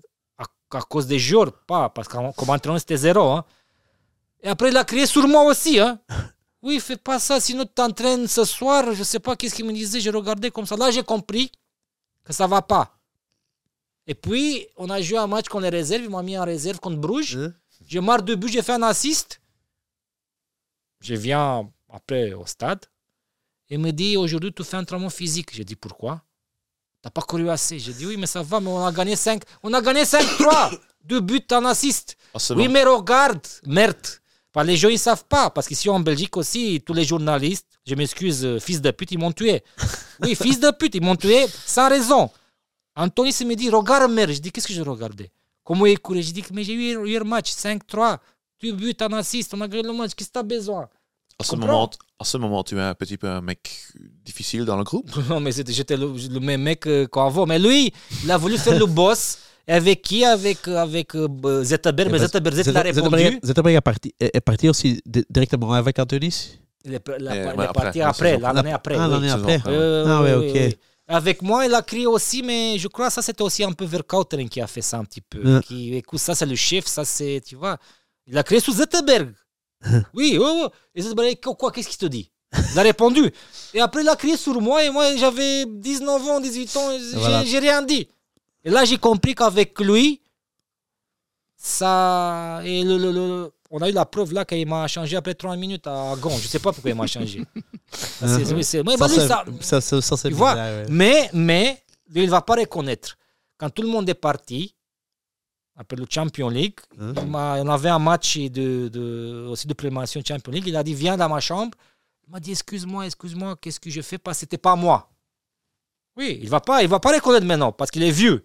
Mais ça, il m'a dit. Tu vois Les saisons C'était pas après. toi, Rive, c'était pas C'était ta faute. c'était pas, Non, c'était pas lui qui a fait ça. C'était un match contre, je sais pas, qu'on est Moldave ou Tiraspol, Ouais. on a joué. Quand tout le monde est parti, tu vois, Razis, Ouais, ça, il ouais, avait ouais. besoin. Ouais, Moi, j'étais un peu pas bien. Il dit, allez, s'il te plaît, un petit peu ronde parce que c'était pas moi qui a fait ça, c'était. Hmm. Tu vois, les gens, ils savent pas. Les gens, ils voient sur le terrain, mais derrière le Ouais, terrain, ouais, derrière ouais. le stade, c'est un monde pourri, hein. Ah ouais. La saison après, la saison avec la campagne en Ligue des Champions, c'était peut-être votre meilleure saison. Oui, Chez je, Anderlecht? oui je, peux, je peux dire ça, oui. Oui, c'est bon parce que c'était mon meilleure saison parce qu'aussi l'équipe a fait un très bon parcours. hein. Et on a fait un très bon parcours en Champions League, euh, on a fait- on a fait un bon parcours en championnat. On a gagné le championnat, je crois, oui, je peux dire oui. C'était mon, ma, meilleure, ma, meilleure, ma meilleure saison. Surtout, je parle des Coupes européennes qu'on a fait. On a fait, je crois, une, une, une bonne. Je dis pas pe- performance, pas performance pour moi, c'est gagner la Champions League. oui, oui, non, mais, euh, euh, Mais- pourquoi pas? Euh, Les gens, si tu ne crois pas, maintenant, euh, ça c'est le problème. Comme tu dis, as pas, parfois tu as peur de Guardiola. T'as pas, oui, c'est dans ta tête. Hein? Mais si tu vois un petit peu qu'est-ce qu'il joue, tu peux aussi contra, contrecarrer. Hein? Mais ça aussi, Guardiola, il entraîne. Hein? Les joueurs là, il l'entraîne. Il ne peut pas jouer sans, sans faire des entraînements comme Guardiola il fait. Hein? Le, je sais, le, le Zetterberg part cette année-là. Ça, c'est le- l'été qu'il part. Ouais. Et je sais, dans le presse, c'était ah, Stoikas, ça doit être le successeur de Zetterberg. Ouais, Hein? Oui, mais moi, j'étais pas vraiment le style de père. Hein? Non, t'as raison, t'as c'était- raison. Oui, c'était oui, oui. une La position style. dans l'équipe. Oui, oui, Père, il- Père, il aimait, il aimait plus venir chercher le ballon. Voilà, ouais. Moi, Le- moi j'aimais aussi aller en profondeur, voilà. j'allais un petit peu. Zetterberg tu vois. était plus le passeur. Oui, Toi, oui, oui, oui, lui, il était aussi un petit peu qui, qui aimait contrôler le jeu. Moi, j'aimais pas Ouais. vraiment contrôler le, le jeu, tu vois. Moi, parfois, j'ai- j'ai- j'aimais faire un deux et partir dans le dos du défenseur. J'aimais un petit peu, tu vois. Une action. Plus... Une action, oui. Zetterberg- était plus le, le, le joueur de, de, de, de faire un ouvert. euh, un ouvert- Lui, il était, lui, le était passeur, plus, non, il était plus numéro 10 classique. Ouais. Moi, j'étais pas vraiment un numéro 10. Moi, j'étais un peu. Le 90 euh, moi, 9 neuf et- comme neuf ça, et demi, oui. neuf et Oui, demi, oui, neuf et oui, demi, oui. Tu n'es pas égoïste. Non, non, mais pourquoi Si l'autre il est plus, plus mieux que moi, je donne la Ouais. balle, il marque. C'est Voilà. ça j'ai dit. Pour moi, ça j'ai dit à la fin, comme euh, je sais pas qui disait les statistiques. j'ai- Non, c'est important que l'équipe gagne, hein, parce qu'après tout le monde gagne ensemble et le trophée il est là. hein. Ça j'ai dit. Si je marque euh, 1000 buts et euh, j'ai aucun trophée avec Anderlecht, je suis pas heureux. Hein. Je suis pas heureux parce que j'ai rien gagné. Euh, donc, je vous dirais qu'elle était le successeur euh, de Zetterberg comme patron. Et match sur Manchester, c'était sur le banc.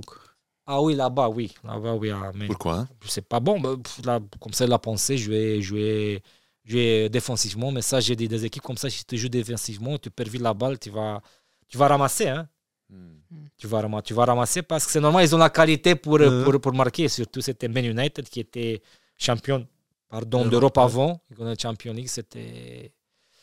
Comment s'est passée votre relation avec Amy Antonis? Moi, je crois que c'est. non, mais je crois que lui, c'est- pas un, un mau- mauvaise personne, mais il était influencé, je crois, tu vois. Ça, j'ai dit, première année, c'était pas bien. Deuxième année, bon, avec Pérez, les parties. Et... Au- Aussi, on a eu un petit peu des bas aussi, hein, aussi, deuxième année. hein. Comme tu dis, j'ai pas joué à, à Man United, j'ai pas commencé au Madrid. J'ai joué contre Lazio. Lazio, à la maison, on a gagné. Puis contre Bruges, je me suis un petit peu, je pouvais jouer, il m'a pas mis. Alors, euh, pff, il était un petit peu bon. C'est. Lors du match contre Gand, vous êtes amené et retiré après moins ou plus Oui. 8 minutes. Et le match après, Anderlecht jouait contre Dynamo Kiev en Ligue des Champions. Euh, Anderlecht Ouais. euh, jouait un match fantastique et tu aussi. Oui, aussi. Euh, hein, aussi, tu on- marques le 4-1 en ce moment, oui, je mais crois. Mais, mais ça, ça- ça- aussi un, match capital, hein, parce que si on ne gagne pas là, on est. Voilà, c'est fini. Ah, tu Oui, sais mais si, si on ne gagne pas là, il va dire regarde, j'ai mis Stoïka. pourquoi Comme ça, tu comprends? Pourquoi tu étais sur Ça- le banc Tu crois que Gand aussi. Contre, contre qui? Contre, contre Gand, le Je match sais là. pas. Mais je sais pas aussi. Qu'est-ce qui se passe avec Je, Anthony je, je sais pas aujourd'hui pourquoi il m'a, il m'a sorti. Jamais j'ai eu d'explication. J'étais sorti. Après, j'ai vu dans les, dans les journaux que j'étais nerveux. Mais attends, si je me rappelle bien, j'ai fait. Pour j'ai 8 fait- minutes Non, oui, mais, pour- mais, mais, mais quand même, j'ai fait une deuxième faute et un joueur de gond il a pris rouge. Hein?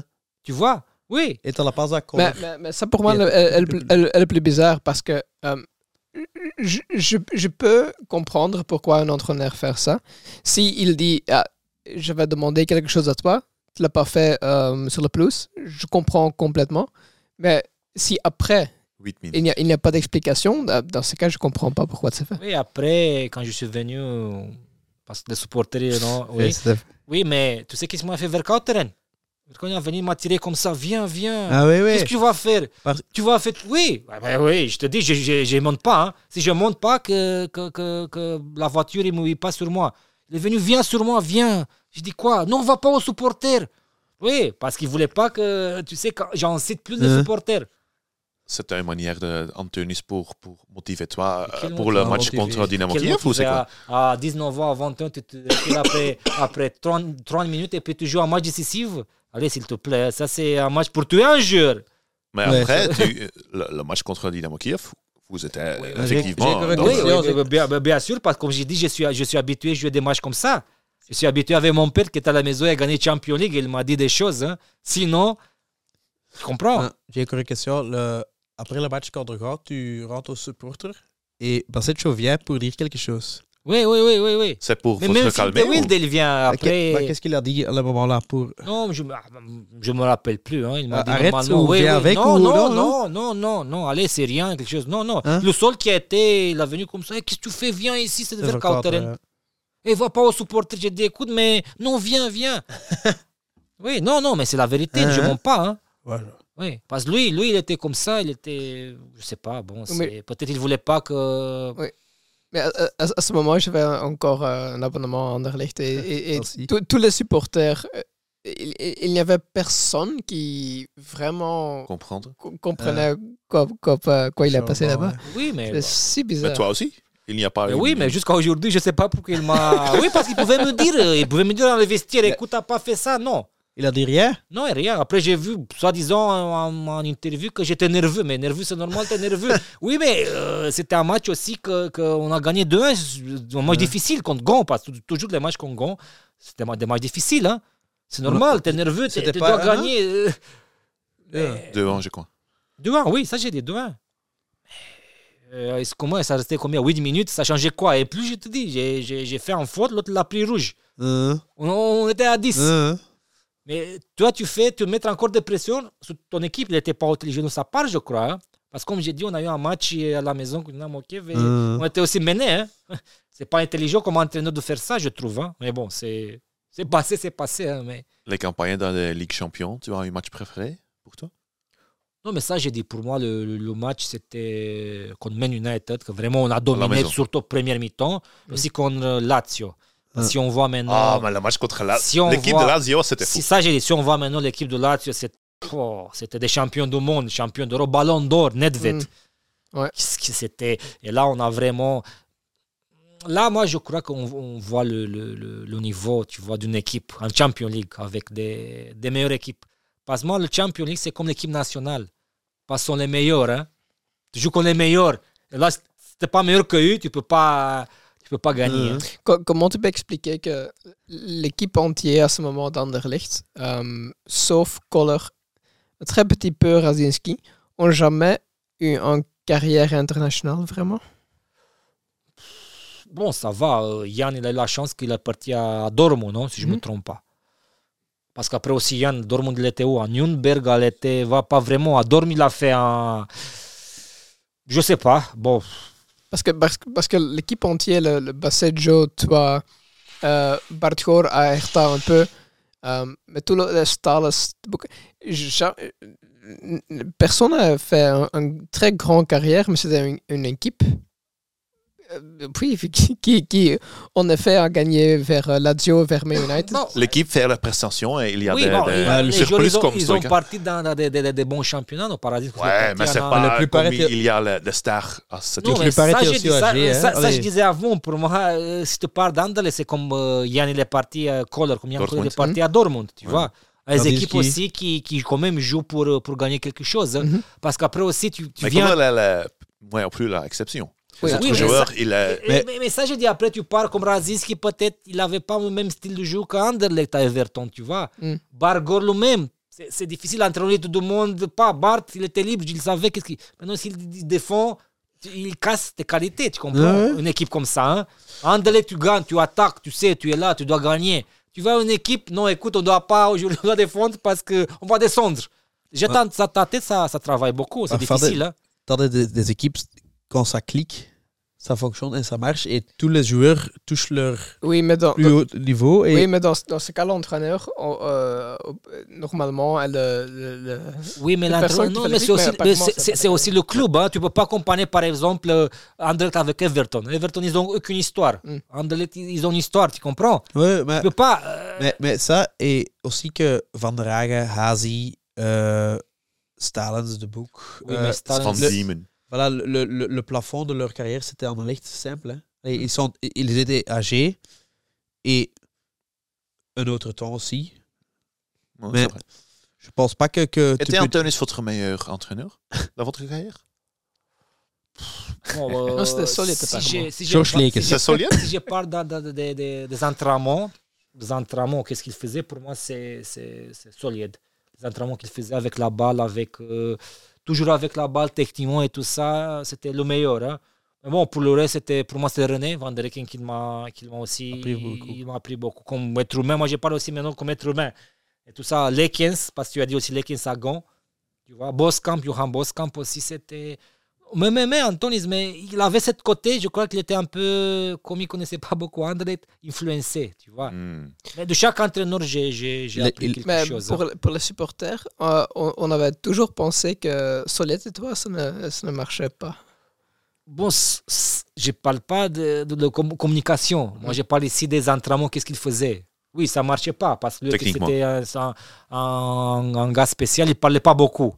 Mais je parle des entraînements, des, des ce trucs entraînements, qu'est-ce qu'il faisait? Il faisait toujours avec la balle, il faisait toujours. Il euh, parlait pas beaucoup. Il ne parlait pas beaucoup avec toi ou avec Non, avec des euh, il joueurs était en comme ça, général? il était comme ça, il était comme ça. Même sur le banc et tout ça, je sais pas, il était. Parce que je crois euh, tu es un gens qui aime quand un entraîneur parle Oui, beaucoup bien sûr, mais euh, ça pas, pas seulement moi, je crois. Chaque joueur, il aime que l'entraîneur il un petit peu. Oui, comme Lekens, il faisait. Lekens, il parlait par exemple à, à tout le monde. Même les gens qui jouaient pas, même les gens qui restaient. en- Il savait, il était bien ligne. euh, psychologiquement, tu vois.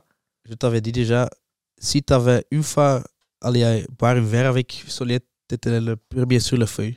Ah oui. Tu n'as pas fait ça, Ah, donc bon, euh, ça, c'est- c'est- ça, c'est faute, ça, c'est votre chacun- faute propre. Voilà. Chacun a sa, sa vie, mais. Oui, oui. Euh, aussi, aussi euh, écoutez, à, à Bruges, c'était pas lui qui m'a voulu. À Bruges, c'était c'était l'ancien président qui est En mort.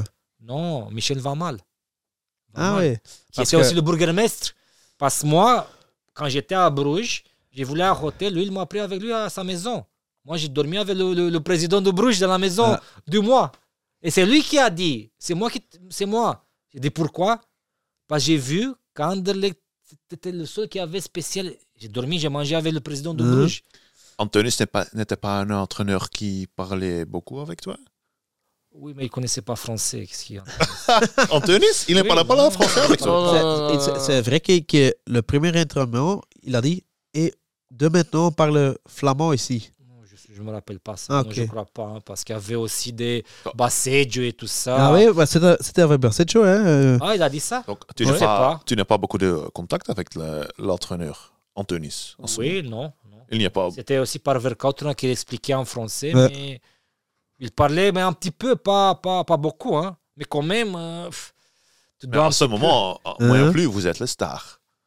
Non, ah bah, je suis, Bah. non, non, Ah non. je suis pas le star quand il est venu. Non, Pas je suis encore. pas le star quand je suis venu parce que j'ai- j'ai j'ai pas joué premier. en- C'était Berriette, le C'était patron. Là-bas. hein. Et ils étaient Mais la aussi Enzo. Ils étaient aussi Enzo Schifo là-bas. hein. Basseggio, Schifo, euh, c'était la saison après. c'était c'était- après. il y avait aussi Yann Kohler qui est venu, Raziski. Non, lui, il m'a mis de côté. Il m'a mis, bon, c'est un problème. hein.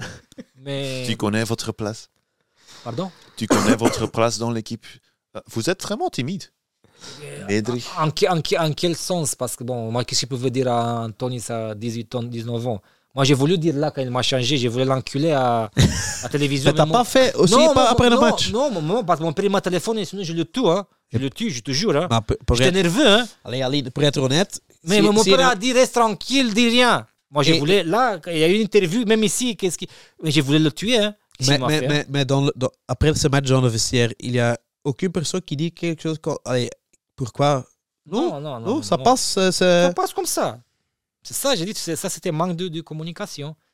Ah, ça, je trouve vraiment fou. Oui, oui, Allez, oui, bah, oui, oui, oui, allez. oui.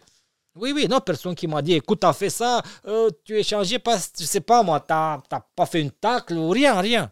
Je suis rentré, je pris mon douche, après c'était une interview. Hein?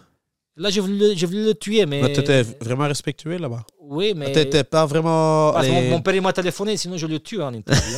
hein. oui, parce que lui, quand même, je, te- je, sincèrement, c'était pas un entraîneur pour Anderlecht, hein, Mais donc, mais donc Anthony, ça. cinq jours après, Même son visage. hein. Allez, c'est pas quand tu vois Ancelotti, quand tu vois. Ça, oui, mais oui, mais des, des clubs comme ça, tu dois pas mettre un, Oui, mais- mais- un paysan, je m'excuse. un paysan.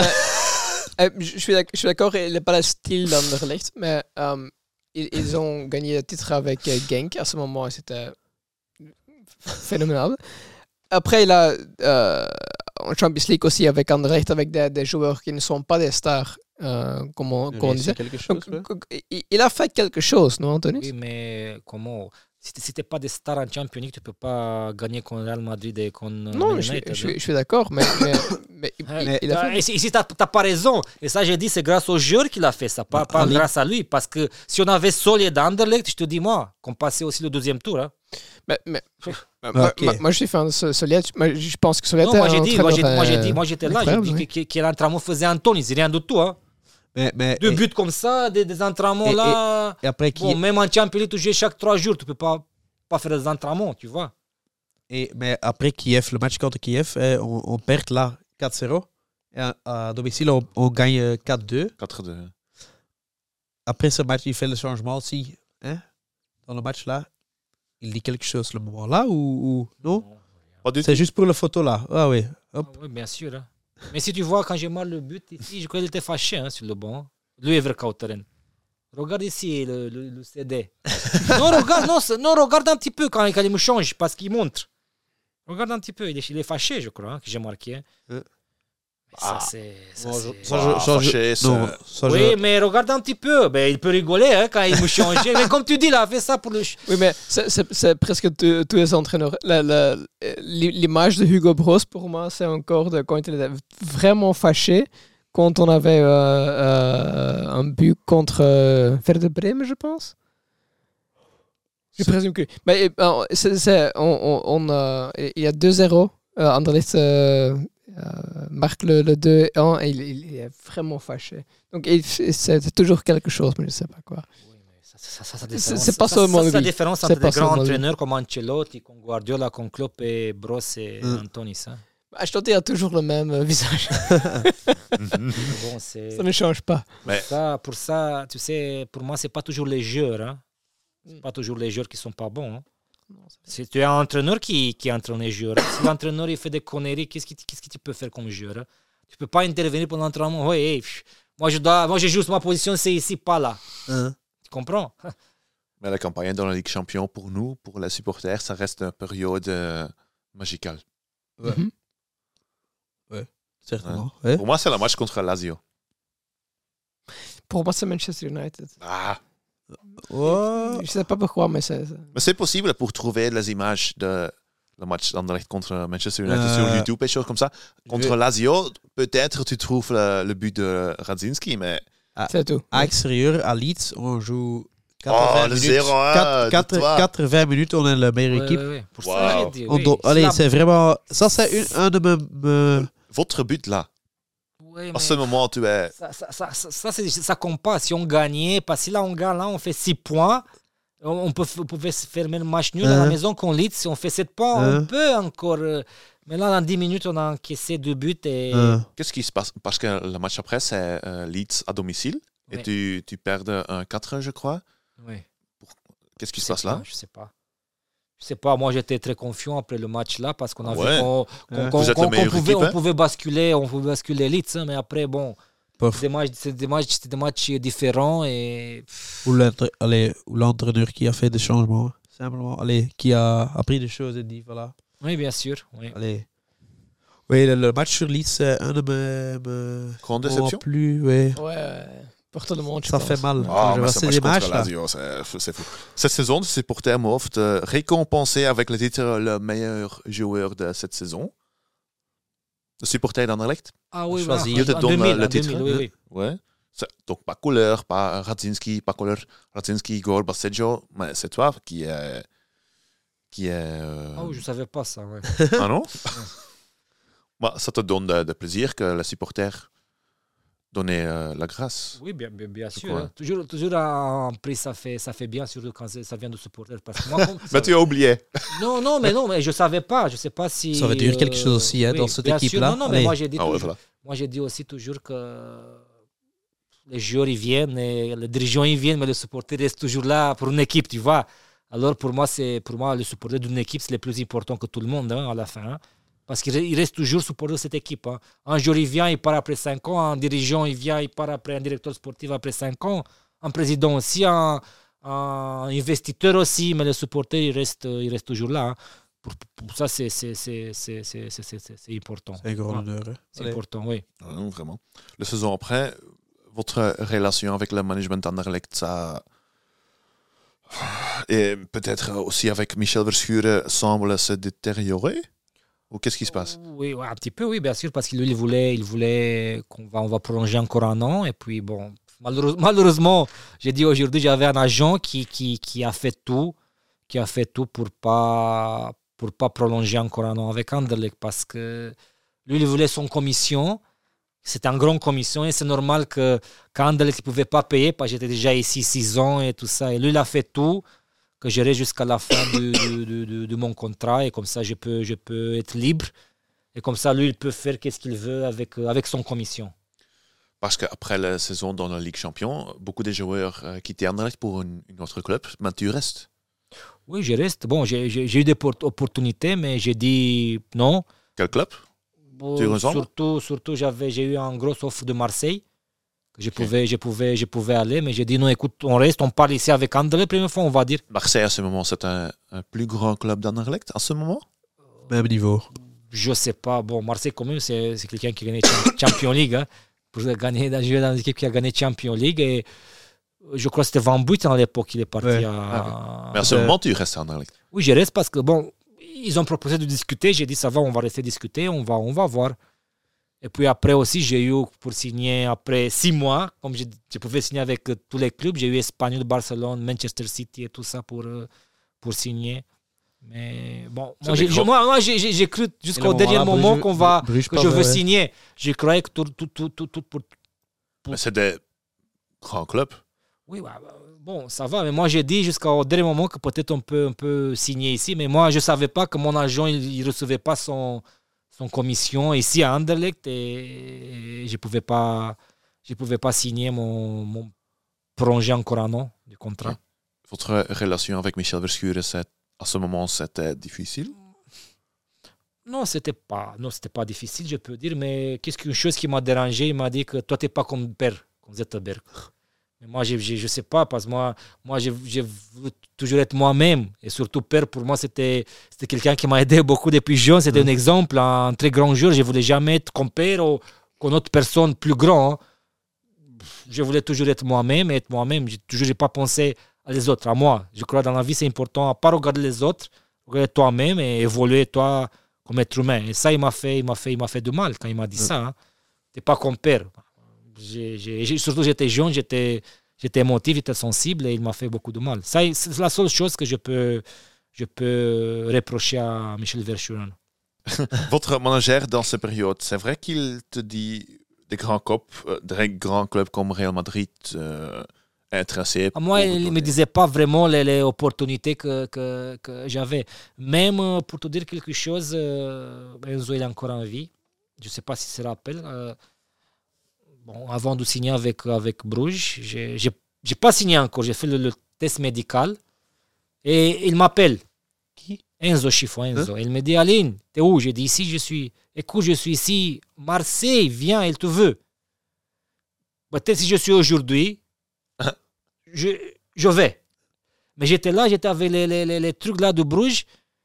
Ça veut dire que Marseille, ils, ils ont voulu, voulu vraiment me, me- me prendre. hein. Tu vois? Alors, euh, c'est des choses que ça se passe dans la vie, c'est des choses que, que, que tu ne peux pas savoir. Comme j'ai dit, c'est une chose sur le terrain, mais derrière, là, c'est le monde pourri. Ça, c'est la- les agents, c'est les présidents, c'est le directeur sportif qui peut casser un, il peut casser un jeu, il peut, il peut tuer un joueur. hein. C'est pas votre euh, manager qui a la raison que tu ne prolongeais pas votre contrat avec ouais, oui, bien sûr, j'ai dit aussi avant, hein, c'est lui. Hein. C'est lui parce qu'il ne prend pas son, son commission. hein. Ok. C'est dommage. Hein? Euh, alors tu signais pour Club de Bruges? Pour des supporters d'Anderlecht, c'était vraiment bizarre de regarder un, un joueur comme toi. Pour les, les boeren. Payson. Oui, mais euh, comme je disais. Il n'y a pas un autre choix pour vous en ce moment? Peut-être oui. Peut-être oui, mais moi je ne savais pas. Parce que, ben, comment, comment je- Le club ne venait pas chez moi, j'avais un agent. hein. Tu crois que toi, tu étais un joueur, le club il vient directement chez toi? Ouais. Il vient toi, chez ton agent et ton agent, il- comme c'était mon agent, il ne prenait pas son commission. Un million d'euros net à l'époque. Je te dis moi, combien? Un million Dans les années 2000, c'est maintenant 10 millions presque.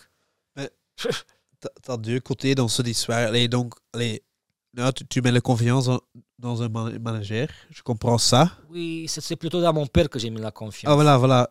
Ouais, ok. Et sur mon père, je te dis, j'étais fâché jusqu'à il y a six mois, ici dans mon aime. Parce que c'est lui qui m'a téléphoné. Si lui ne me téléphone pas, moi je ne vais jamais à Bruges. Je ne signe pas. hein. Je Ah, signe jamais. dommage. Il m'a dit, écoute, parce qu'il y a encore euh, une semaine, il y avait une semaine. Mais moi, je ne savais pas, tu vois, parce que pff, moi, je pensais sur le terrain. Mais comme joueur libre, je pouvais aussi signer avec 1er septembre, comme joueur Mhm. libre. Et mon père m'a dit, allez, viens, parce que tu ne vas plus avoir d'équipe. Tu dois aller, oui. Sinon, je ne vais jamais à Bruges. Parce que Moi, j'étais une fois discuté à Bruges. Hein? Mais je, je me suis lavé de table et je suis parti. Prolonger avec Anderlecht, à ce moment, c'était pas possible? C'était possible de mon côté. Hein. Du le côté de Mais tu Verschuren. ne fais pas ça. le côté... Mais, mais tu n'as pas compris. je dois m'expliquer trois Il parle pas le, il parle pas le français très bien. il- donc, il- euh, il est c'est un pas peu lent, oui. Oui, c'est mon agent qui a voulu son commission. Et le père, la père, Ouais, le père. hein. Non, pas le père. Le... Bah, bah, le, le père a, a- ton père a, a, a mis pression, pression pour. Non, il, il dit- il- il- il m'a demandé si je pouvais prolonger avec Anderlecht. Hein? Mhm. J'ai dit oui. Et Michel Verschuren aussi. Il a, je pouvais de son côté. Je me rappelle, il y avait un match contre Westerlo. Hmm. On descendait pour aller au bus. Il m'a dit dis à ton agent qu'on va le faire. Maintenant, en- encore, si je, je peux me transférer dans l'année passée, j'ai dit allez, on signe maintenant. Et moi, j'avais confiance dans mon agent. Hein? Et lui, il voulait seulement son, son, son argent.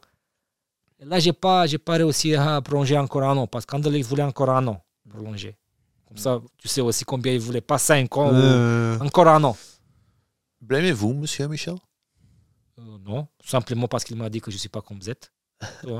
Non, simplement parce qu'il m'a dit que je ne suis pas comme Per Zetterberg.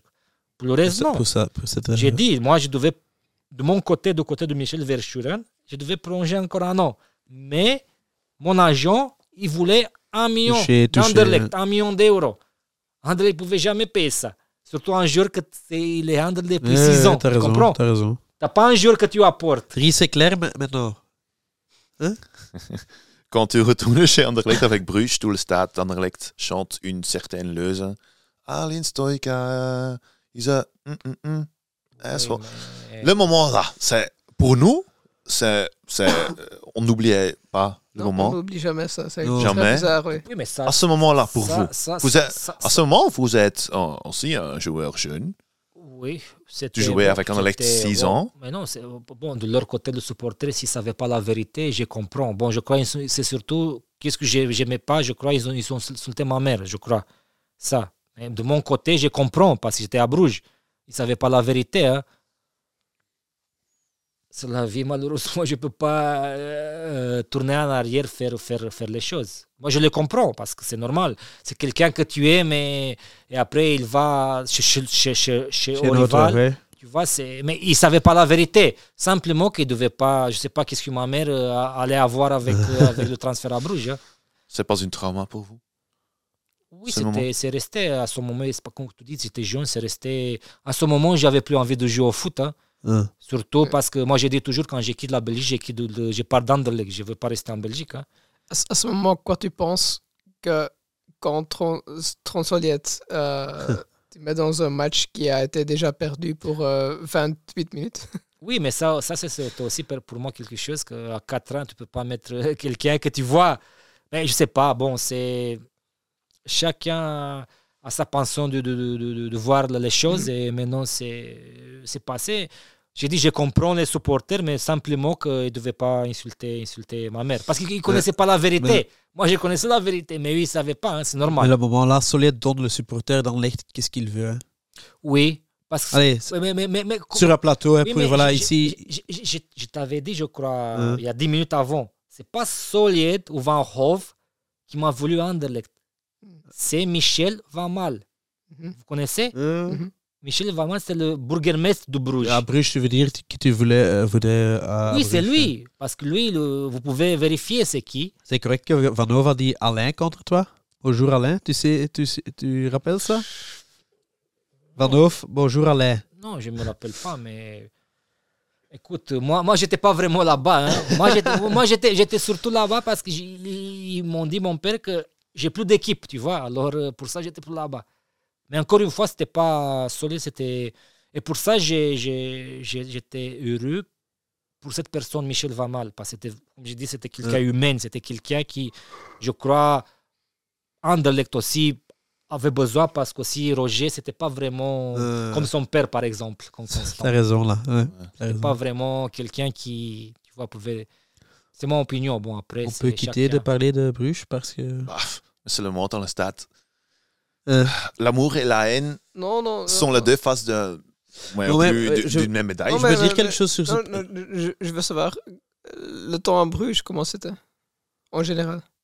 Non, c'était pas, c'était pas bien parce qu'après ce match, moi, j'ai appelé directement mon agent. J'ai dit, prends, prends-moi d'ici, un fils de pute, où tu m'as amené, tu vois. Oui, mais Euh. comme première fois, j'ai, j'ai, j'ai pas voulu aller. Mais moi, j'ai senti parce que c'était, j'ai déjà, euh, quand tu, tu habites avec le président dans sa maison, mais j'habitais dans ma maison, lui avait un lac devant, il avait son parc aussi. Oui, ils l'ont vendu après 15 millions, 20 millions. Oui. Mm.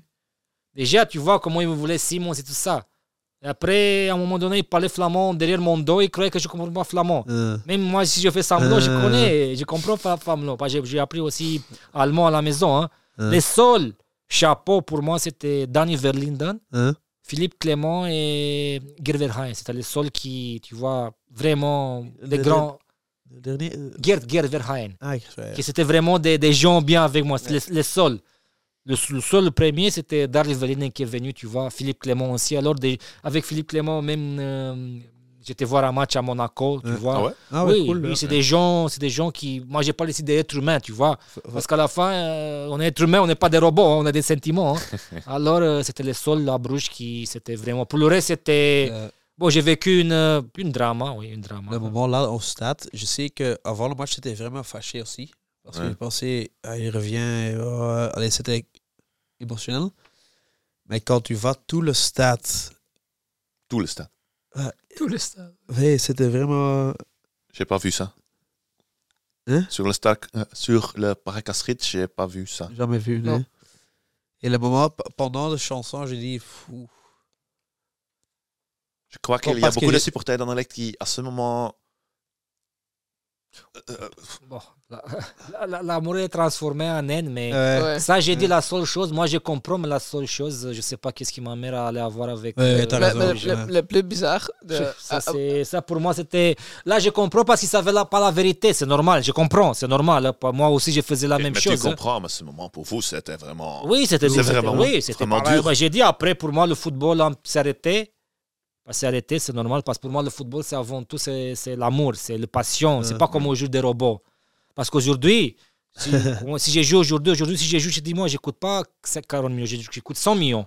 Parce que C'est si, si Pogba a coûté 50 millions, moi j'écoute 5 millions aujourd'hui si j'ai joué. hein. Ouais. 5 millions d'euros parce que. C'est c'est aussi un genre de complément vraiment étrange parce que les supporters ils ne chantent pas ça pour personne. Oui, mais oui, aussi. Ah non, avant, j'ai pris la, place à Gerverheim, parce qu'avant c'était Gerverheim.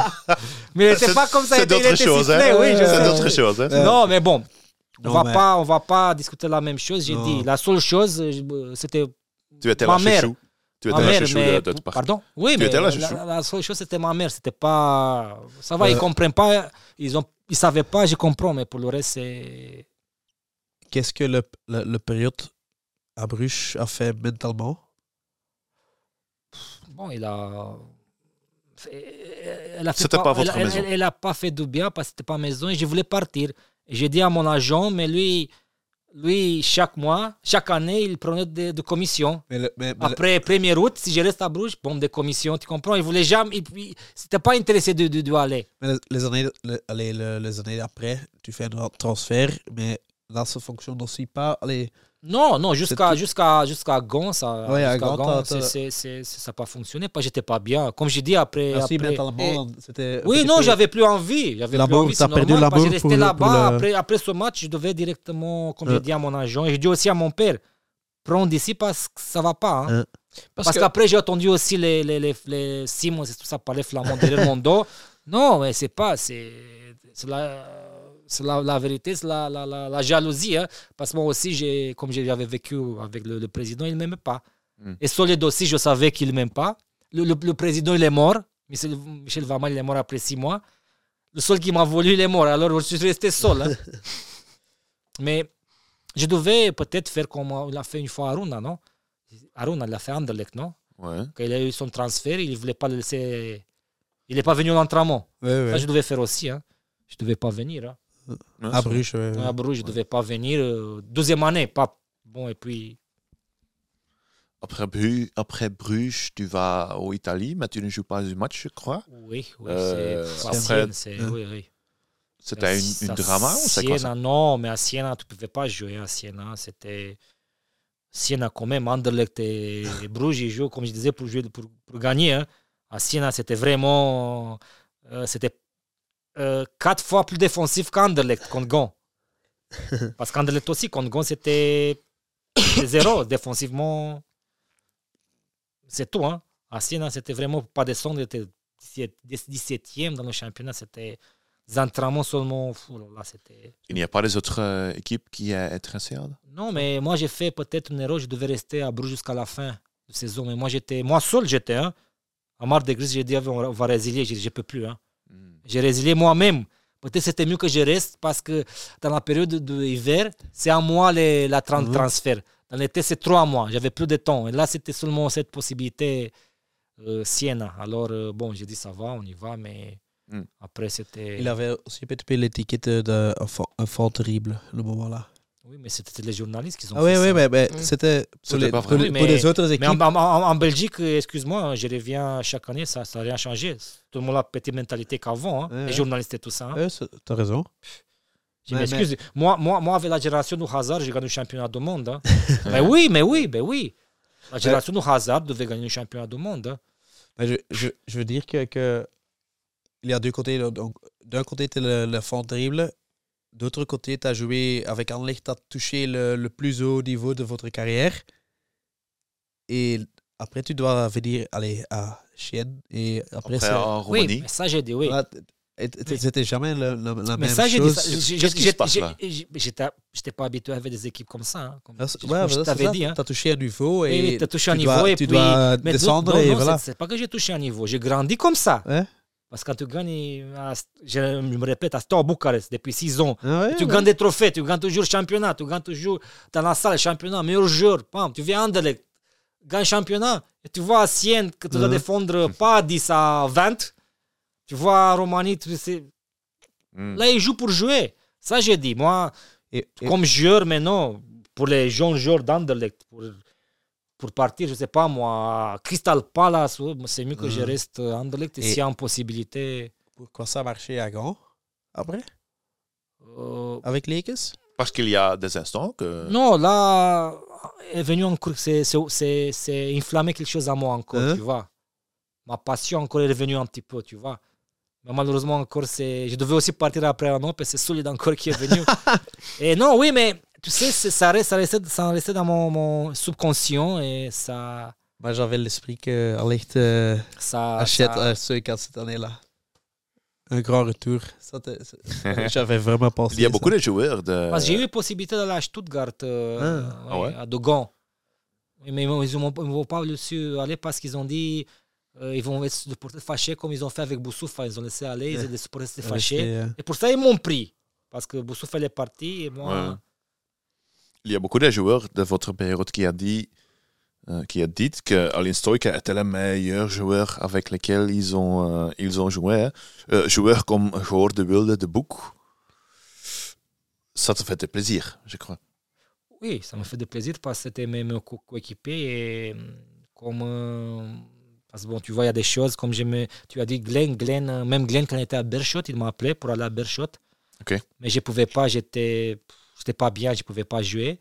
Et même j'ai eu la possibilité d'aller à Moucron, quand il était à Moucron. Mais c'est le directeur sportif qui l'a pas voulu. Je sais pas c'était qui dans cette époque. hein.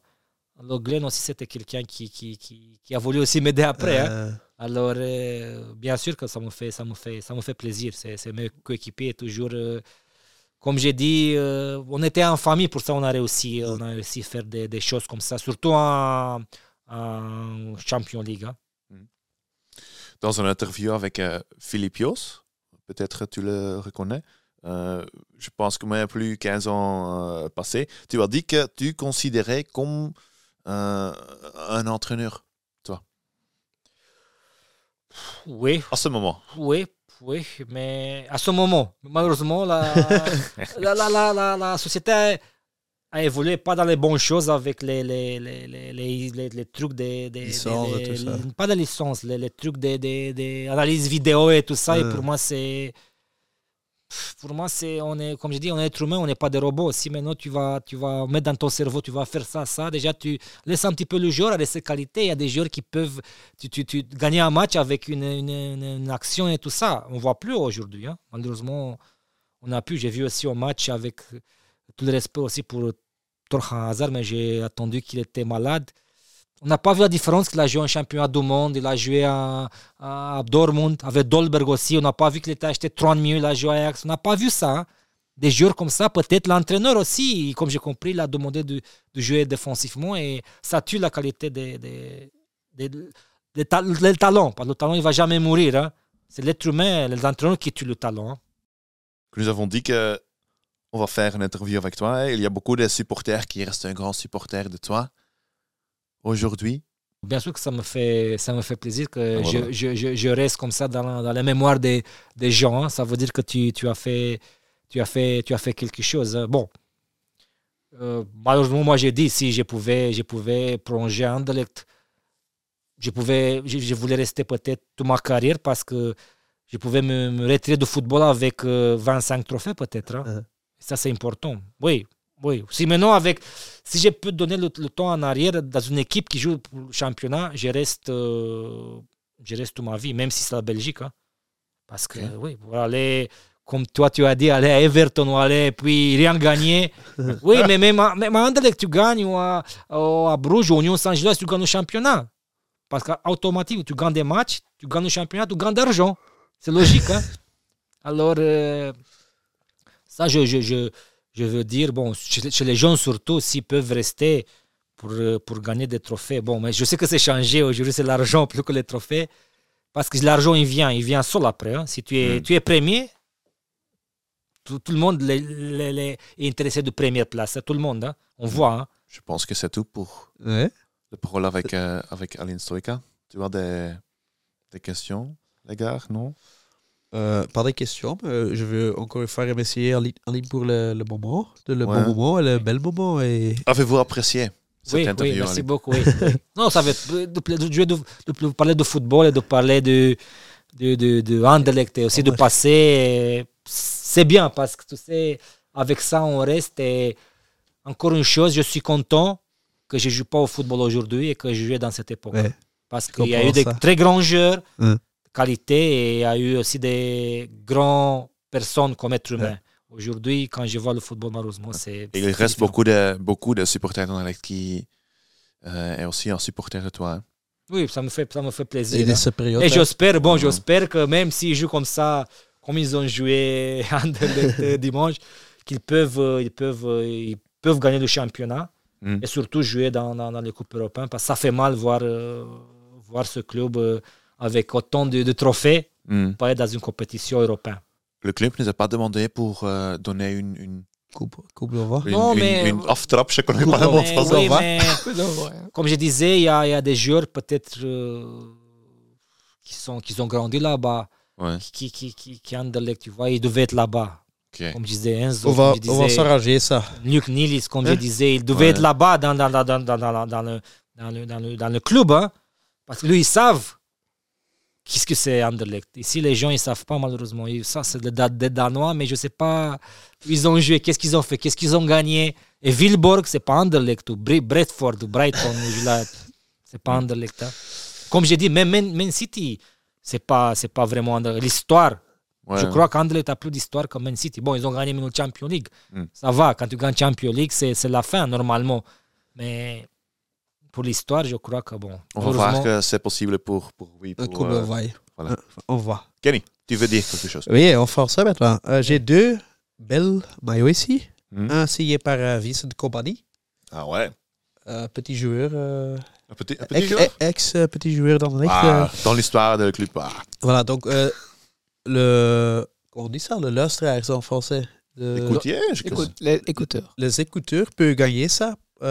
Euh, et il y a un moyen pour gagner ça, c'est suivre notre account sur euh, YouTube. Ouais. Euh, et une fois on touche euh, 1000 suiveurs, Un 1000 subscribers, je connais pas le 1000, mot en français. Oui, oui. 1000 suiveurs sur Abonnés, YouTube, oui, abonnés, oui. abonnés sur. YouTube, on a donné cette maillot Vincent Compagnie. de Vincent Company. Mais aussi Et on a aussi cette, euh, un maillot un maillot de, de Stoika. Et il a signé. Il a signé aussi. Donc, euh, On va on penser. va penser de ça. Voilà, voilà, Ouais, voilà. on va pas, on va pas donner des cadeaux. Allez, encore des cadeaux aujourd'hui, donc euh, voilà. Super. Aline, un grand, grand merci pour Merci votre service. Il y a Merci beaucoup de supporters. Ah attends, attends, attends. Belge Football Classics. Oui. Ah ouais, ouais. Grand merci pour cette. euh, Oui, oui, encore une chose, encore une chose. je m'excuse aujourd'hui, Joma. Regarde un peu les maillots avant. Oui, certainement. C'est des grandes équipes. Les grandes équipes jouent avec euh, Adidas. oui, oui, ah, ça c'est encore un problème. Je m'excuse. Anderlecht doit revenir au Adidas ou à Nike. Oui, mais regarde un T'as petit peu. raison, t'as raison. Regarde un peu comment c'est bon. Allez, non, non, Et ça aussi, quand tu mets sur toi, maintenant tu mets Joma. C'est quoi ça, Joma? Ben, Joba est notre partenaire. Hein. Oui, mais, je- oui, mais avec, tout, prudent. avec tout respect, mais regarde un petit peu. hein. Oui, ouais. Ça, quand tu es une grande équipe, regarde l'Argentine, champion du monde. Adidas. Tu n'es pas une fan de Joma. Oui, mais peut-être- oui, mais peut-être Beveren ou Non, non, non, je sais on- pas moi, Beveren ou On va s'arranger un, un maillot, un maillot Nike le- ou Adidas. on, on va arranger un maillot numéro 11, Stoika de Yoma. Ah bah voilà. Ça va? On va Non, non, ça. non, non, non, non, on va arranger ça. Ouais, comment.